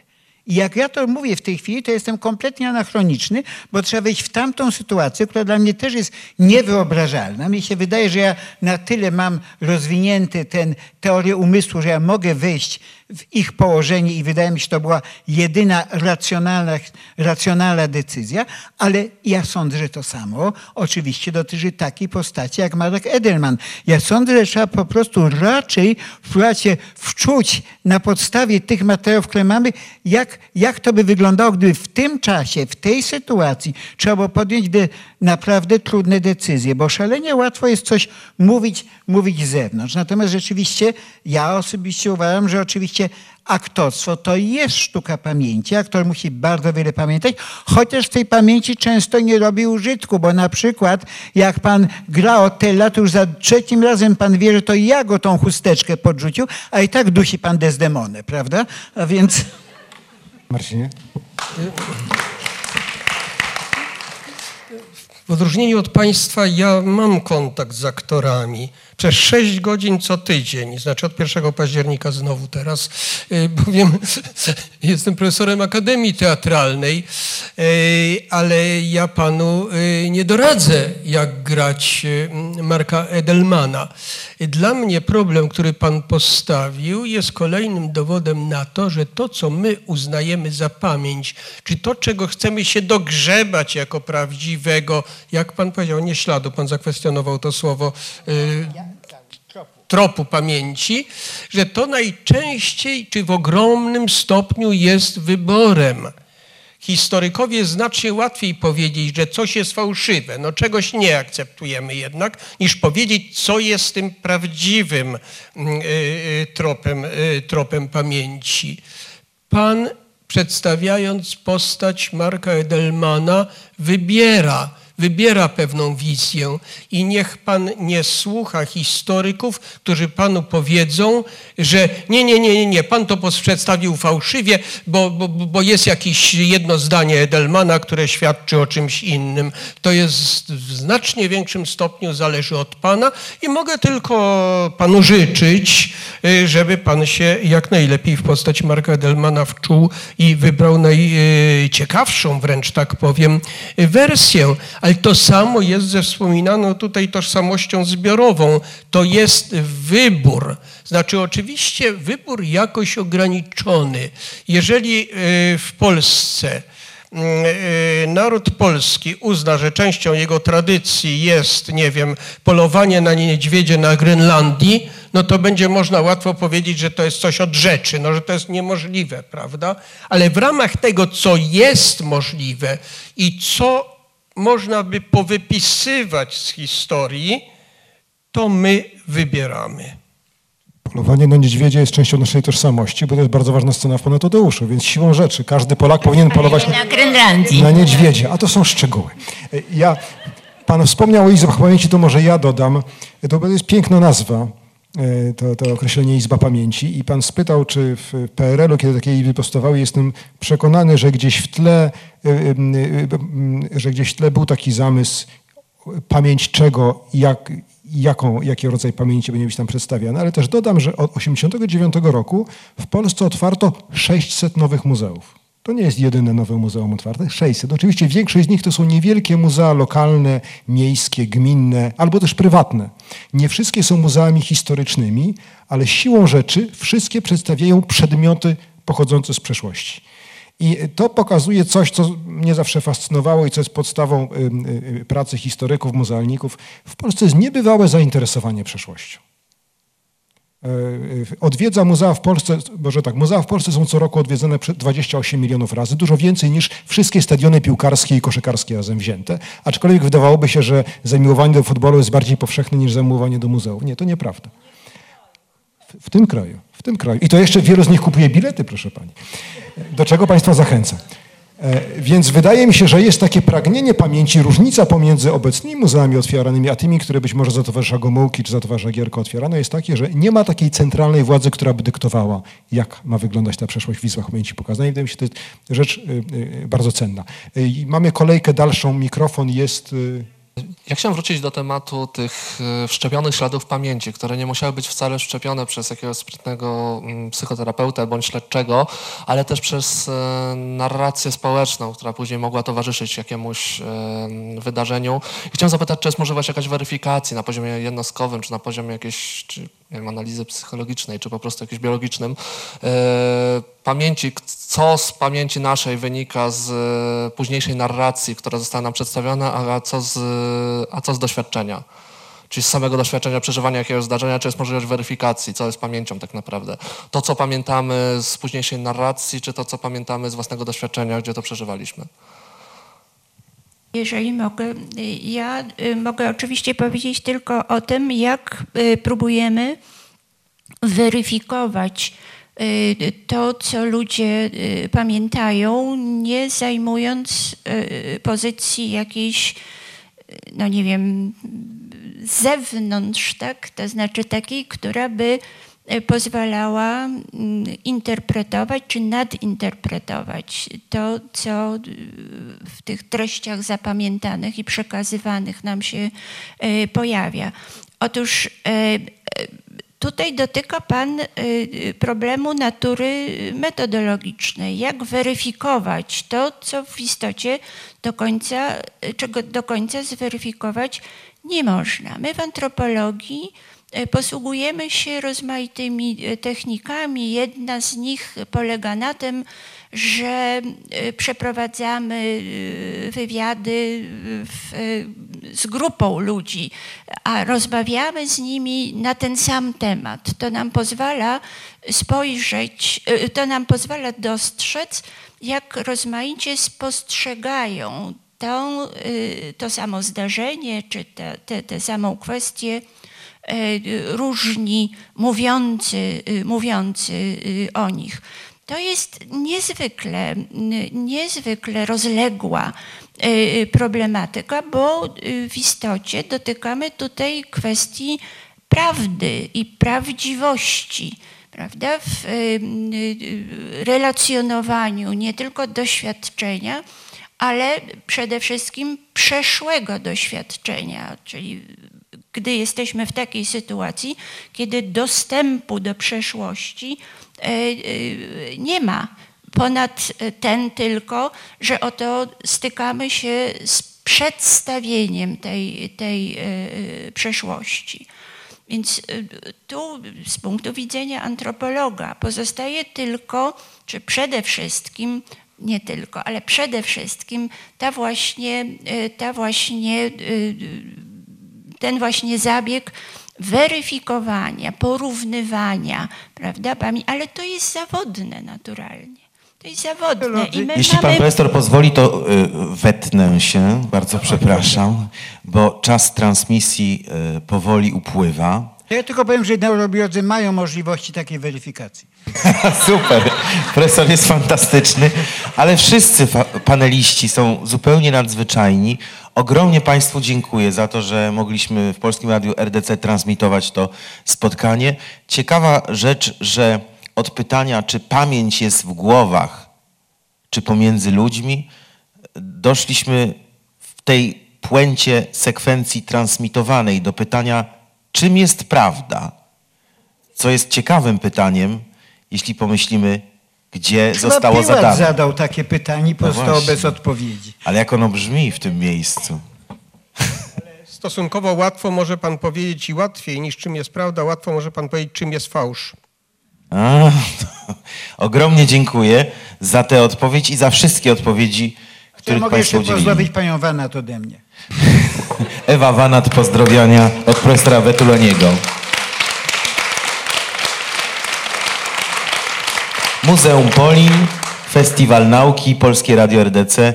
Dziękuję bardzo słuchaczom. Dyskusja tutaj trwa. Tak jest, proszę Państwa, my wcale nie kończymy jeszcze naszego spotkania i już widzę, że następna pytająca osoba ma mikrofon. To może jeszcze dokończę to, co tutaj mi zostało przerwane. Ja nie to dawno czytałem, ale była taka, y, opowiadano, że jeżeli ktoś sobie przywołuje obrazy wynikające z rzeczywistego doświadczenia, to obraz FNMR-u chyba jest bardziej skomplikowany niż jeżeli ktoś przywołuje wspomnienia wszczepione. A interpretował w ten sposób, że jak komuś wszczepiam wspomnienia, to ja wszczepiam mu wspomnienie, ale to wspomnienie jest jak gdyby wyrwane z ogólnego kontekstu. Natomiast jeżeli ja relacjonuję moje własne wspomnienia, ja podświadomie zapamiętuję mnóstwo innych rzeczy. Jeżeli ja w tej chwili będę relacjonował w pamięci to spotkanie, to oczywiście pamiętam cudownych panelistów, pamiętam, ale pamiętam jakieś światła, pamiętam, moje wspomnienia tego eventu są bardzo złożone. Jeżeli mi ktoś tylko powie, pamiętasz, brałeś udział w takim tym, byli tacy, tacy ludzie. Ja potem będę wierzył, że ja w to pamiętam, ale jak ktoś mnie zapyta, jak się rozkładały światła, jak coś tego, to mi to znika. Czyli, że fałszywe wspomnienia są zawsze uboższe od tych wspomnień prawdziwych. Ale historycy to takie sprawdzenia robią dosyć często, no przez prostą krytykę źródeł. No w końcu, jeżeli człowiek zapisuje, że widział, uczestniczył, coś się działo i tak dalej, no to nieraz można sprawdzić, czy jak człowiek opowiada o tym, nieraz można sprawdzić, czy, czy, czy, czy ten człowiek nie znajdował się może przypadkiem 100 kilometrów od tego miejsca. Bardzo proszę. Pan, prof, y, pan profesor Kula powiedział co, y, takie zdanie, że nic nie zostanie z tego spotkania w naszym materiale genetycznym. I teraz tak, i ja pamięć, y, na pamięć mogę sobie spojrzeć tak, że, że to jest jakiś, jakaś olbrzymia ilość pudełeczek. No, w, w komputerze to są, mm, to są bity, bajty czy, itd. itp i relacje między nimi, yy, czyli taka jakby metabaza, bo jest ta baza, to są te, te, te takie podstawowe informacje, no na przykład obraz, yy, no jest, jest ich olbrzymia ilość i relacje między nimi, czyli, y, czyli tak jakby w jaki sposób do nich dochodzimy, y, w jaki sposób y, prawda, one są powiązane, dwie osoby, które to samo widzą, widzą, one zupełnie to inaczej czują, prawda, czy inteligencja też zależy od tego, w jaki sposób e, my do tych, tych takich podstawowych informacji, tych twardych dochodzimy, tak? I e, jak sobie wyobrazimy, prawda, te podstawowe informacje, że to jest jakaś, jakaś olbrzymia ilość takich, y, no nie wiem, pudełeczek, tak? To moje, y, to moje pytanie brzmi tak. Jak tutaj pan y, profesor powiedział, że mamy pamięć tak zwaną wszczepioną i nabytą, tak? Czyli wszczepiona to jest tak, z którą się rodzimy. Czy jest tak, że te podstawowe, absolutnie te podstawowe na tym najniższym poziomie te informacje, czyli mówię to, co jest w pudełeczkach, czyli na przykład obraz, czy, czy, czy, czy yy, prawda, no, te, te, te, te, do których dochodzimy, czy jest tak, że one mogą być dziedziczone? Czy konkretnie, bo to, że są dziedziczona ta, ta, ta metabaza, można sobie tak nazwać, prawda? Czyli sposób, w jaki dochodzimy do konkretnych informacji, to wiemy, prawda? No bo wiadomo, y, dziedziczone są zdolności, no Bach, prawda? Miał, to jest oczywiste. Natomiast czy konkretna informacja, ta, na Czy możemy pamiętać coś, co widziała nasza babka, tak? O to pani pyta? Dokładnie tak, ale y, pamiętać w sensie, y, w sensie no, tego obrazu, do którego ja potem mogę, spo- y, y, prawda, y, nigdy nie opowiedzianego, w tym sensie. y, w tym sensie. Czy mamy odpowiedź na takie pytanie? Jeżeli nie będziemy traktowali poważnie zjawiska déjà vu, to chyba nie. To znaczy mi się szalenie podobała Duna Herberta, prawda, bo to było piękne, ale niestety wydaje się, że to doświadczenie wskazuje, to było całkowicie nieprawdziwe. To znaczy my nie pamiętamy tego, co nam nie pamiętamy pamięci naszych przodków, a w każdym razie nie pamiętamy ich pamięci tej, która się liczy, czyli pamięci epizodycznej, pamięci semantycznej, pamięci autobiograficznej. My możemy pewne tendencje oczywiście możemy mieć, na przykład zdolność dobrego zapamiętywania, ale konkretnych rzeczy nie, no tu jest przerwa po prostu. Dziecko jest organizmem kompletnie różnym od swojej matki, od swojego ojca. Ale ja bym chciała jeszcze tutaj, y, jeśli wolno mi, przepraszam bardzo, nie, nie dostrzegłam, y, że. W każdym razie, ja bym y, chciała tutaj zwrócić uwagę na to, co już tu między słowami albo wprost się pojawiło, pamięć ciała. E, Jednak jest sprawą e, taką pewnie niedyskusyjną już nawet w świetle nauki, proszę mnie poprawić, że y, obserwujemy gesty w gestach, w mimice, w sposobie posługiwania się ciałem, jakby powiedział Marcel Mauss, e, po, pewną powtarzalność, czy daleko idące podobieństwo. Czy mam rację, gdy mówię, że takie zjawisko istnieje? Jakaś głęboka, nie wiem, pamięć, tak? Na pewno jest to coś, co jest Tak, tak, zakodowane. o tym mówię. Co może być zakodowane. Mi przyszła taka analogia z programami komputerowymi. Ja bym powiedziała, że to, co my możemy odziedziczyć, to jest software po rodzicach. E, Natomiast, prawda, używając, dziedziczymy jakiś tam program, no to Word, Excel. Z użyciem tego programu jednakowoż każdy może zrobić całkiem coś innego. To są zawsze pliki i w tych plikach są jakieś tam dane. Natomiast co wchodzi do tych plików, to już jest nasze doświadczenie życiowe, ograniczone przez możliwości programu. Natomiast każdy może zrobić coś całkiem innego. Ale jedna jest rzecz, która kolejce, pani przepraszam. powiedziała tutaj, to że my rozumiemy emocje i one mogą wpływać na pani, bo to jest uniwersalne. Jak ja się uśmiecham, to my uśmiech rozpoznamy właściwie na twarzy osoby każdej rasy.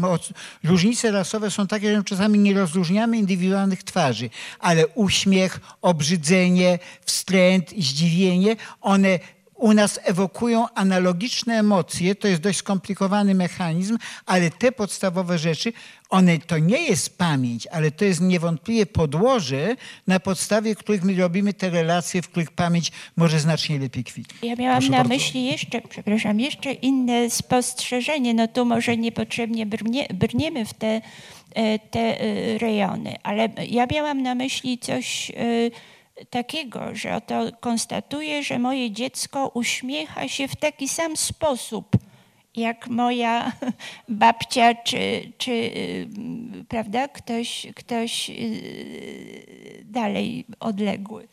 Nie, Bardzo proszę, pan podważę się pan Krzysztof to jest- profesor Kosut i jeszcze mamy jedną osobę na górze. Krzysztof. Turlejski. Y, Ja bym się chciał, mógłbym do wielu, ale do dwóch rzeczy odnieść. Jedna to jest y, zawodność czy niezawodność zapisu pamięciowego.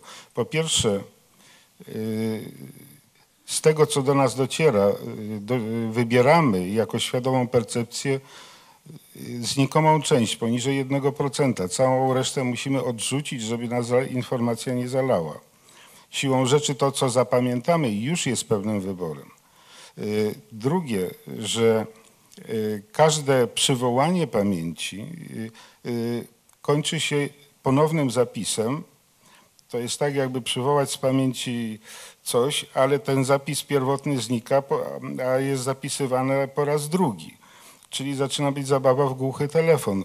Y, Za każdym razem coś odrobinę zmieniamy. No wystarczy relację świadków pierwszą i setną opowieść y, porównać zapisaną na taśmie filmowej i widać, jak ogromne są różnice między tym, co się uznaje za własną pamięć tego samego faktu.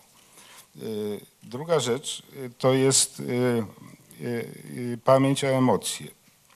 To w, już behawioryści dawno zauważyli, że y, właściwie nie sposób jest czegokolwiek zapamiętać bez udziału emocji. Można zapamiętać same emocje bez treści y, y, intelektualnej za tym idącej, no, natomiast y, suche fakty bez emocji y, właściwie są eliminowane jako mało ważne.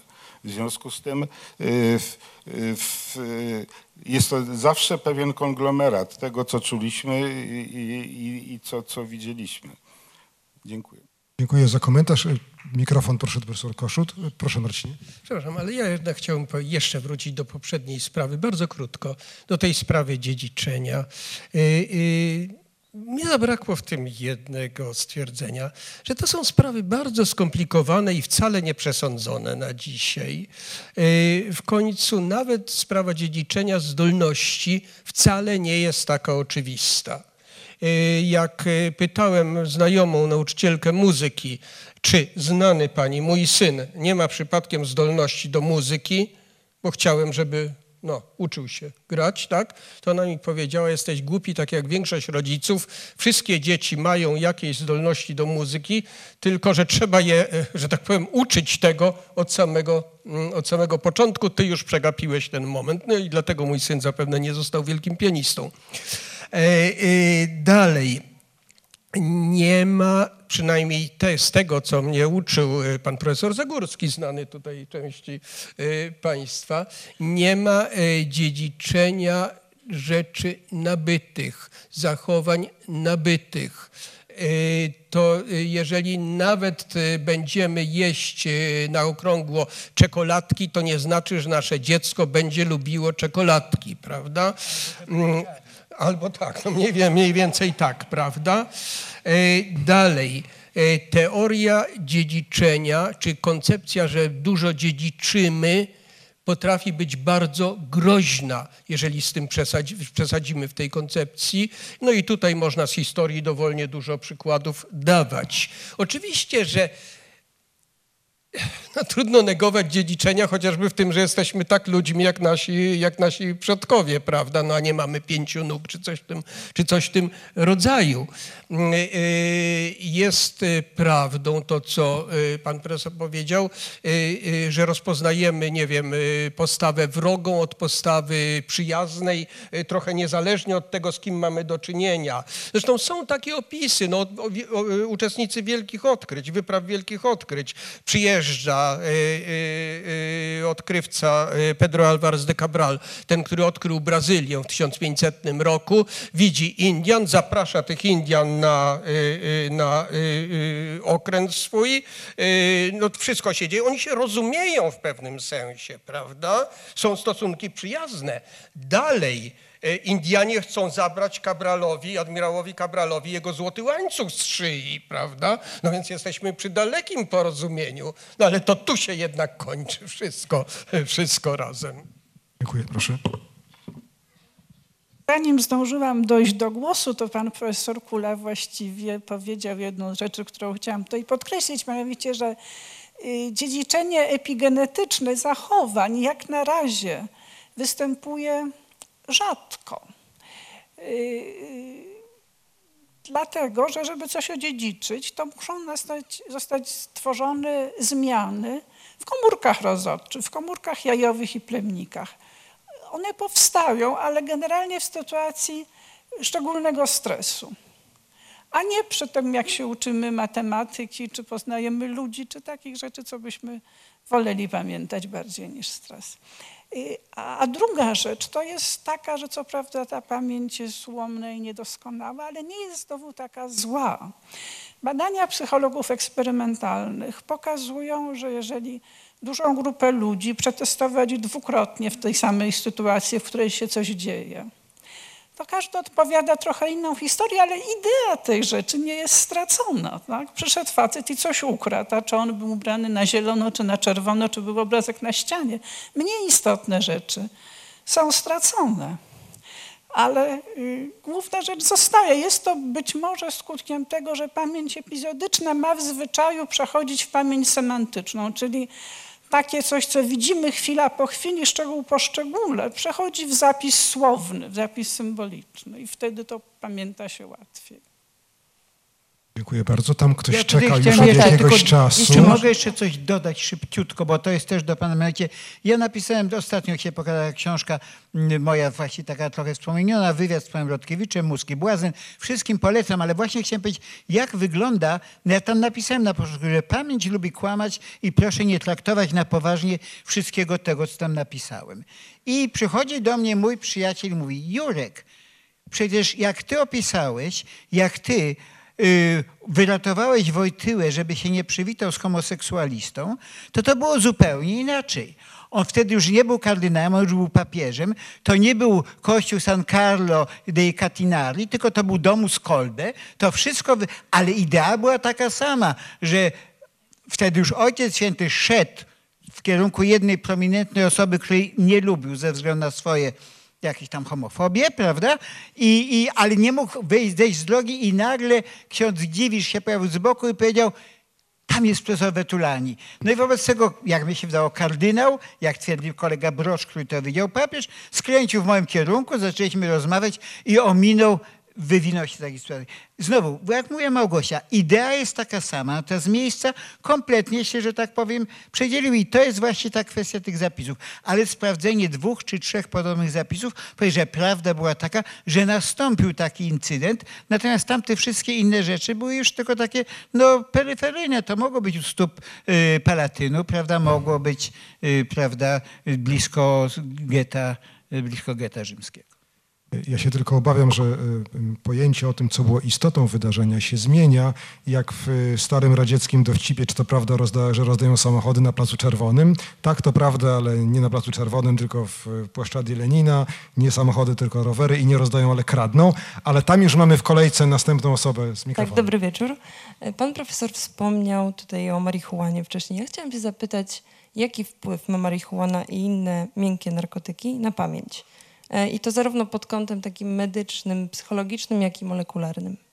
A, o, mo- o molekularnym nie bardzo mogę y, chociaż powiedzieć, ale wydaje się z badań przede wszystkim na ludziach, bo tam była badana, że ona na pewno osłabia pamięć krótkotrwałą i na przykład jeżeli się pani, y, nie mając pewnego doświadczenia, wypali na przykład całego skręta, to jest bardzo możliwe, że przy rozmowie z kimś tam pani będzie na przykład zapominała początku zdania albo będzie pani nie pamiętała tego, o co panią pytano. Pani zaczyna odpowiadać i gwałtownie kombinuje, co tam dalej może być. Wiem, bo zdarzały się takie rzeczy. A więc, a więc to jest. Natomiast z tego, co ja wiem, nie ma opisanych przypadków, ażeby rzecz trwała długo, to znaczy jeżeli się przestaje używać. Natomiast kłopot, oczywiście jak z każdą substancją psychotropową i większością niepsychotropowych, polega na tym, że my tego używamy za dużo, codziennie i tak dalej. Na przykład jeżeli codziennie palimy skręta czy dwa przez jakiś tam okres czasu i jeszcze w okresie, w którym mózg nie jest ukształtowany ostatecznie, coś tam zmienia, rozwija, prawda, tak gdzieś do Dajmy temu mózgowi czas do 20-21 roku życia, żeby ta kora przynajmniej w głównych zakresach się tak ustabilizowała, to wtedy oczywiście mogą, mogą być takie kłopoty. My nie mamy w tej chwili dobrych, dobrych badań epidemiologicznych, ale no na pewno marihuana nie poprawia pamięci. To można powiedzieć z całą pewnością. Jeżeli chodzi o inne substancje, z całą pewnością amfetamina poprawia pamięć, to też i stymulanty poprawiają pamięć.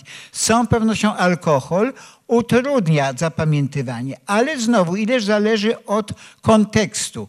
My zwykle pamiętamy dobrze rzecz, jeżeli jesteśmy w tym kontekście, w którym rzecz się zdarzyła, to my to pamiętamy. Na przykład jak wychodzimy z pokoju i zapominamy, po co wyszliśmy, wracamy do pokoju, natychmiast nam się przypomina dlatego. Jesteśmy w tym samym kontekście. Na tej samej zasadzie po alkoholu to mamy pewną grupę znajomych, których spotykamy w barze, a pewną w pracy. Otóż ludzi, przyjaciół z baru my nie poznajemy na trzeźwo, prawda? Ale po alkoholu oczywiście rozpoznajemy. Także to jest, a, tak, także pamięć ma mnóstwo specjalnych rzeczy. A jeszcze jeżeli chodzi o emocje, to oczywiście pan ma absolutnie rację i wszystkie dobre systemy pedagogiczne wiedziały, że jedną z najskuteczniejszych rzeczy dla utrwalania pamięci jest kara cielesna. Bo tam jest i motywacja, i emocje, prawda? Także zostało to wycofane, ja nic nie mówię, nie będę pisał Twittera na ten temat, ale, ale co wiem, to wiem. Następna osoba w kolejce, bardzo proszę. Tak, dzień dobry. E, Ja przepraszam może za banalność pytania. E, Wczoraj e, uprawiałem właśnie polską tradycję narodową z podznaku z bitwy pod Grunwaldem, dlatego mało spałem. Natomiast wydaje mi się, że umknęła nam tutaj jedna rzecz, mianowicie dla mnie przynajmniej bardzo ważna, e, kwestia pisma. Pisma pamięć, bo jestem akurat po antropologii, e, stąd e, kwestia kultury słowa i kultury pisma wydaje mi się bardzo istotna i ponieważ ta druga strona bardziej taka fizyczna tej pamięci tutaj reprezentowana jest obecna, dlatego chciałem spytać, czy były jakieś badania na społecznościach, które które tej kultury pisma nie poznały, a nauka e, już e, była obecna e, na tym poziomie, na którym jest obecna teraz.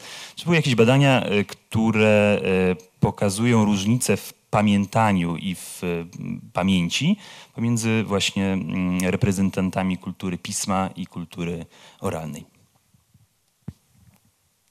Nie znam takich badań, ale trud, nie trudno y, się domyśleć, że żeby tego rodzaju y, problematykę rozstrzygać, czy, czy mówić o niej, powinniśmy tu jeszcze wprowadzić do rozmowy o pamięci taki element, jakim jest kultura. Prawda? Pan, pan użył nawet tego określenia kultura pisma, ale trzeba by to zapewne y, rozszerzyć, bo w zależności od e, tradycji kształtują się takie, a nie inne relacje między ludźmi. W zależności od relacji między ludźmi kształtują się e, kształtują się y, osobowości, prawda, y, członków tej, tej y, społeczności. Więc tu jest tak ścisły związek, prawda, że no, jakby rozdzielać tych elementów żadną miarą nie można. Y, Mogę panu tylko powiedzieć tyle, że z y, literatury antropologicznej, co pan na pewno kończąc te studia doskonale, y, doskonale wie, e, y, wynika niezbicie, że w tych społecznościach, w których pismo nie funkcjonuje, pamięć funkcjonuje inaczej. E, W, y, w tam, gdzie, gdzie y, komunikacja międzyludzka opiera się na przekazie ustnym, a nie na piśmie, prawda? pamięć jest narzędziem innego rodzaju, niż jest ona narzędziem w sytuacji, w której mamy tego pośrednika, jakim jest y, pismo, które utrwala, prawda, inaczej niż słowo mówione, inaczej niż zachowanie, prawda, te y, treści, które są przedmiotem, y, przedmiotem przekazu. Pismo zawsze będzie interpretowało, prawda, to y, te treści, czy za pomocą pisma, za pośrednictwem pisma, będzie dokonywała się już jakaś interpretacja, prawda, czyli jakiś jeszcze jeden element przekazu dochodzi tutaj, wchodzi tutaj w grę, prawda. Jeszcze chodzi o piśmienność, tylko chciałem zwrócić uwagę, bo tu pan profesor Kula zaraz powie coś naprawdę ciekawego, ale y, były takie badania nad analfabet, budowa mózgu analfabetów. Mamy na populację analfabetek, y, to jest y, dość duża jest w południowej Portugalii, bo tam kulturowo najstarsza córka w rodzinie opiekowała się wszystkimi licznymi dziećmi i nie szła do szkoły. I tam jest dość dużo tych najstarszych córek, nie umie czytać i pisać i świetnie sobie daje radę w życiu. Ale badania wykazały u nich, że one mają węższe, trochę gorsze ym, spoidło wielkie, mniejszą komunikację między półkulami, większa asymetria. Jak to się dalej odbija, to trudno mi jest powiedzieć, ale to w każdym razie były doświadczenia, czyli y, piśmienność wpływa na mózg. I to jest właśnie jedna z rzeczy. Kultura kształtuje mózg. Mózg kształtuje kulturę, kultura kształtuje mózg i to jest bardzo ścisły, wzajemny związek. No jeszcze, no powiedzmy, jest pewna wiedza historyków o tym, jaką rolę odgrywała pamięć w różnych epokach. Dajmy na to koniec XIV wieku to są procesy pomiędzy, no powiedzmy w skrócie, Polakami a Krzyżakami, prawda? Ja nie jestem specjalistą od tego, profesor Samsonowicz byłby lepszy na tym miejscu, żeby o tym mówić.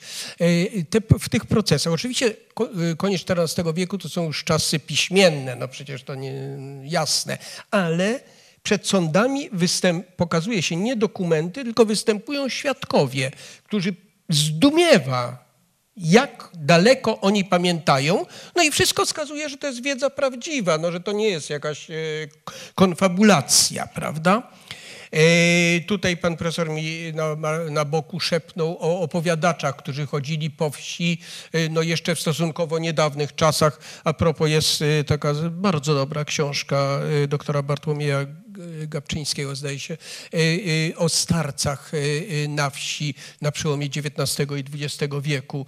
Mm, No i ci ludzie pamiętają. No oczywiście możemy się zastanawiać, co oni tam ubarwiają, ale oni pamiętają. Natomiast y, y, y, pismo, rozpowszechnienie się pisma, likwiduje potrzebę części, części pamięci. Jeżeli pan pozwoli, że przejdziemy od pisma do komputerów, to ja mam wyjaśnienie zdumiewającego niekiedy braku pamięci studentów w różnych sprawach. Y, I to są czasem brak możliwości uzyskania odpo odpowiedzi na pytania, zdawałoby się, no takie dosyć elementarne. No naprawdę już nie, nie, będę, nie będę cytował, żeby nie ośmieszać nawet anonimowo nikogo.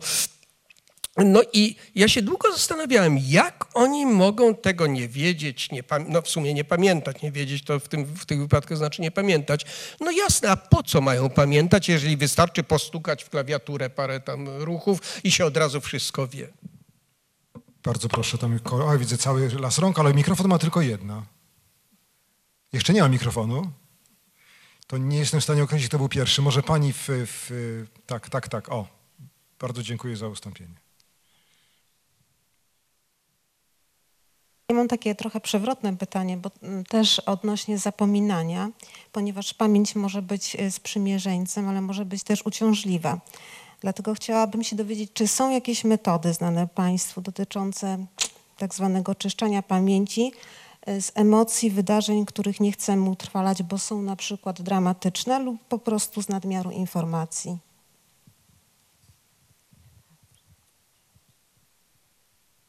Biologiczna chyba naszego panelu.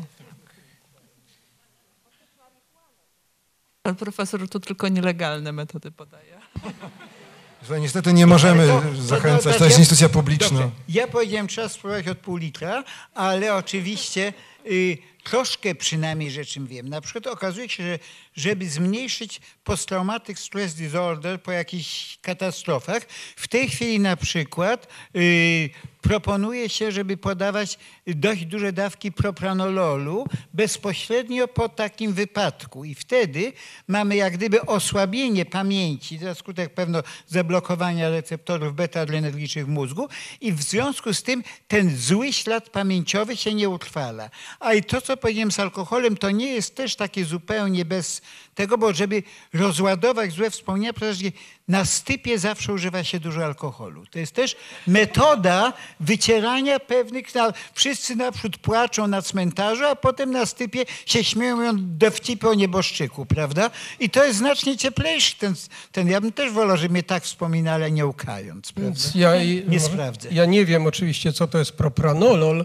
y, co to jest z pół litra. No, jakoś tam troszkę, troszkę, troszkę, dwie ćwiartki, coś tam wiem, tak. Y, y, Nie, natomiast chcę powiedzieć jedno. Y, Nie wiem, jakie są metody zapominania, natomiast zjawisko czyszczenia pamięci jest dla historyków nadzwyczajnie ciekawe. Jak dzisiaj się poczy, pomyśli o tym, porozmawia z ludźmi, poczyta się o tym, co ludzie pamiętają z PRL-u, to jest bardzo przesiana pamięć. Nikt nie pamięta, że za czasów Gierka w PZPR było jakieś 3,5 miliona członków. Proszę odliczyć od narodu polskiego niemowlęta i głębokich starców i dużą część wsi, bo na wsi do PZPR mało rekrutowano, prawda? Więc to nie jest tak mało. Wszyscy pamiętają, że walczyli z komunizmem. Wręcz nie sposób zrozumieć, jak komunizm się tak długo utrzymał. Pani profesor. Ja bym tu, ja bym tu chciała jeszcze e, w odpowiedzi na, na e, Pani pytanie raz wrócić, jeszcze raz wrócić do e, tych uwarunkowań kulturowych, bo e, w odpowiedzi na Pani pytanie powinno się pojawić, powinna się pojawić kwestia, e, kwestia polityki pamięci to, to, o czym Pani y, powiada, czy istnieją jakieś, prawda, jakie metody czyszczenia pamięci, to to jest problem, to to jest między innymi, prawda, problem y, y, polityki pamięci, problem zarządzania pamięcią, y, zarządzania, które każdy z nas na swój własny użytek przecież praktykuje, ale też zarządzani jesteśmy i nasza pamięć przez podmioty zewnętrzne. Prawda? Więc to, to zresztą w świetle tego, o czym pan y, profesor y, wspomniał, wydaje mi się to tropem y, tutaj znaczącym. Tak? Jeśli ja coś mogę dodać jeszcze, to wydaje mi się, że czyszczenie pamięci trudno mi sobie wyobrazić oprócz jakichś farmakologicznych lub silnych wstrząsów. Natomiast powszechną praktyką i indywidualną, i społeczną jest zastępowanie, nie czynienie pustego miejsca w miejsce czegoś zapamiętanego, tylko zmiana treści wspomnień. I wszystkie procesy żałoby polegają na tym, a także, jak tutaj profesor Kula wspomniał o pamięci o PRL-u, wydaje mi się, że można by wskazać wiele takich wydarzeń historycznych czy, czy, czy, czy, czy, czy procesów historycznych, które rozumienie zmieniało się. Nie to, że zapominaliśmy to wydarzenie, ale pamiętaliśmy je inaczej i być może przez to stawały się mniej bolesne. Więc jest to pewien sposób unikania cierpienia nie poprzez całkowite zapomnienie, tylko nadanie nowej treści temu pamiętaniu. Y, Pani sąsiadka. Moje pytanie y, nawiązuje do tego, co pani y, przed chwilą powiedziała. To znaczy, z- bardzo dużo tutaj było y, o mózgu, natomiast y, ja y, chciałam zapytać, y, w naszym społeczeństwie, które jest prawie całkowicie monokulturowe, y, występują różne opcje polityczne, one mają różną pamięć. Ale y, to, to się dzieje w ramach tej samej kultury. Y, Tutaj y, w tym muzeum jesteśmy tak jakby w trochę innej pamięci, bo y, wycieczki, które przyjeżdżają na przykład z Izraela do Polski, mają kompletnie inną pamięć niż mają patrioci, którzy mówią, jedni mówią o y, szmalcownikach, inni mówią o, o sprawiedliwych, prawda? To jest y, kompletnie inna narracja, kompletnie inna pamięć. Natomiast ja nie wyobrażam sobie, albo, albo mogę, mo, mogę przypuszczać na przykład, że w społeczeństwie, które jest bardzo wielokulturowe, które się składa z bardzo wielu różnych grup etnicznych, róż, o, o różnej historii, tak na przykład jak, jak, nie wiem, jak społeczeństwo kanadyjskie, czy społeczeństwo australijskie, w których y, tych, y, tych pamięci, y, tych tożsamości jest cała masa, y, czy w tych społeczeństwach ta, ta, ta historia i pamięć, y, ta powiedzmy taka, taka narodowa wygląda kompletnie inaczej. I teraz, czy takie społeczeństwo bardzo wielokulturowe oznacza, że to ma być społeczeństwo bez wspólnej pamięci? Jak to, y, y, y, jak to nie wiem, y, to, to takie jest... y, no, y, powiedzmy, że, że dzieci w szkole muszą się uczyć y, y, y, w, jaki, w jakiś taki sposób, żeby to nie budziło niczyich oporów. Y, W społeczeństwie, w którym jest mm, poprawność polityczna posunięta do wysokiego szczebla, będzie się unikało takiego czy innego tematu, który może takie czy inne zadrażnienia stworzyć. Y, z tego wynika, że takie poprawne politycznie, bardzo wielokulturowe społeczeństwo byłoby społeczeństwem właściwie bez wspólnej pamięci. Czuję się wywołana. No, powiem y, y, raz jeszcze, że dotyka Pani niezwykle y, istotnej y, kwestii, to znaczy y, kulturowego ugruntowania pamięci i y, y, tego, co właśnie z polityką pamięci y, się y, y, wiąże, mianowicie no, tym y, gospodarowaniem pamięci, powiedzmy tak, y, neutralny, znaczy uznając ten, ten, ten przymiotnik tutaj za neutralny. Y, Myślę, że wie pani, no tu by trzeba bardzo mm, uszczegółowić tę, tę ym, y, rozmowę.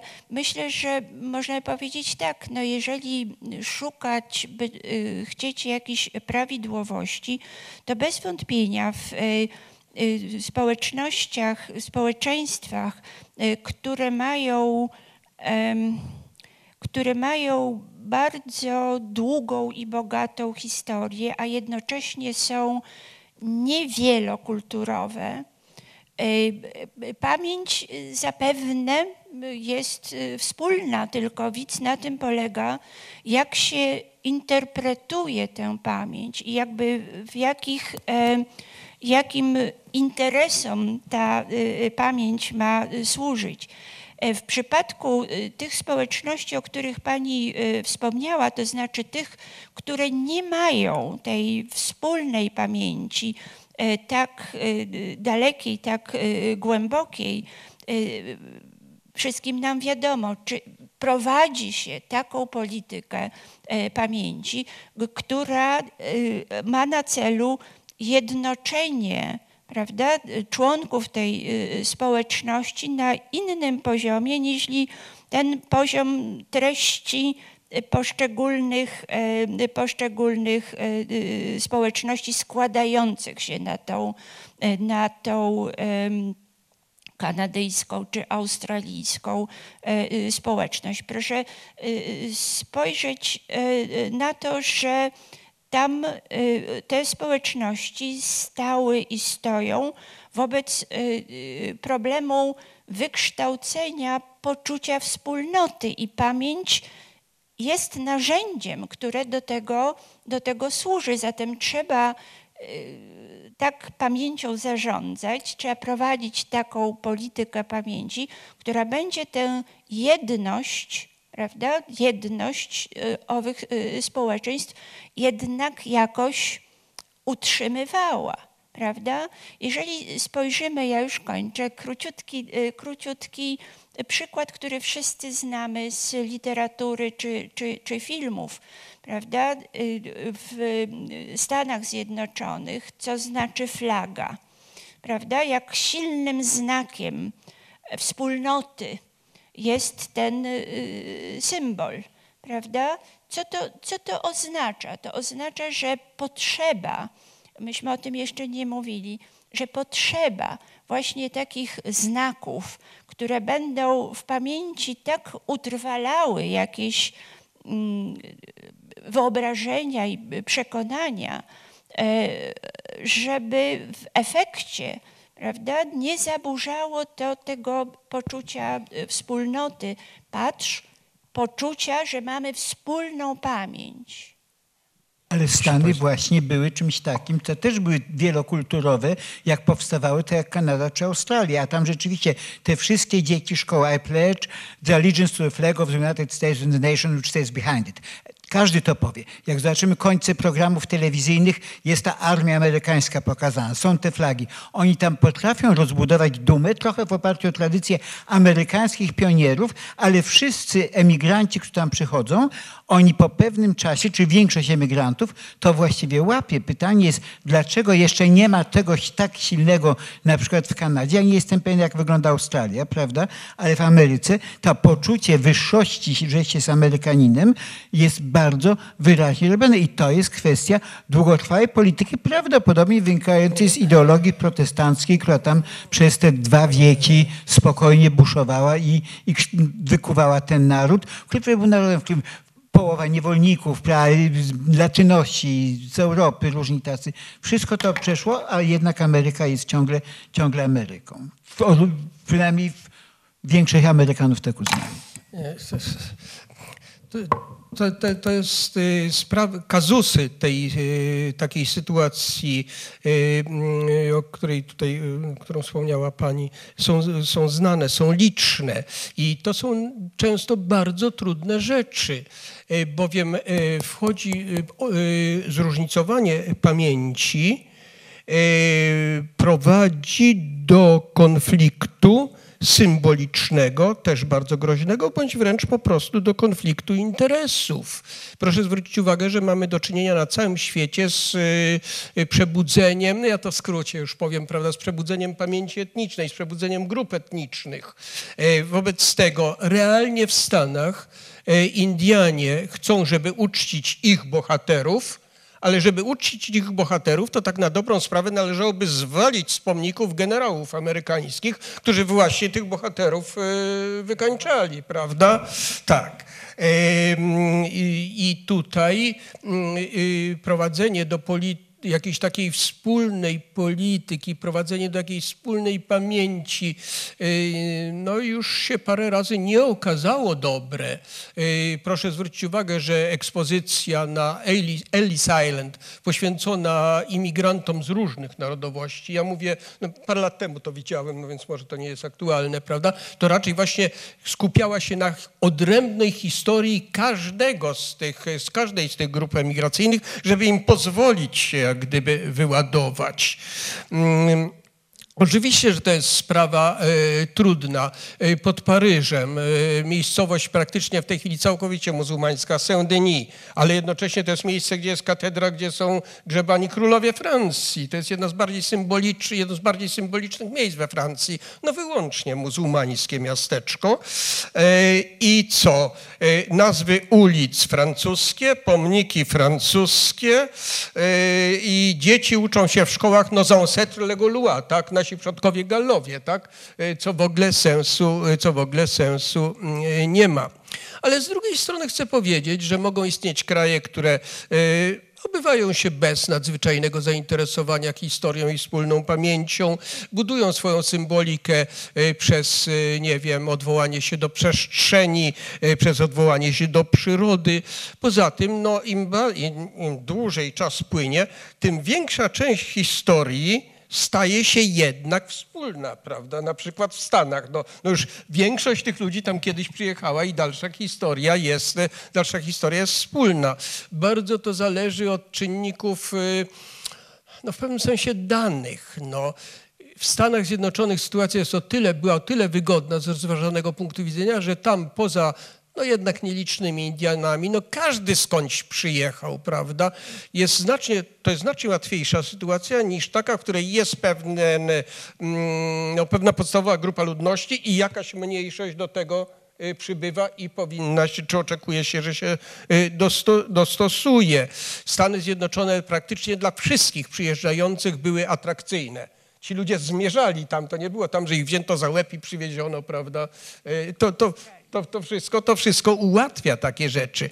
I ostatnia sprawa, już kończę. Y, y, No pada tutaj, y, pani profesor wspominała parokrotnie termin polityka pamięci. Ja się tego bardzo boję. Wszystkich sformułowań typu polityka pamięci, polityka historyczna, ja się bardzo boję, no ale już nie moment, żeby, żeby to rozwijać. Proszę Państwa, tak żeśmy rozmawiali ciekawie o pamięci, że ja zupełnie zapomniałem patrzeć na zegarek. E, A na zegarku już jest sporo po godzinie 20. E, Musimy zakończyć nasze spotkanie, które być może mogłoby trwać jeszcze wiele godzin. E, Bardzo dziękuję naszym panelistom, bardzo dziękuję wszystkim, którzy zadawali dobre pytania i zapraszam Państwa.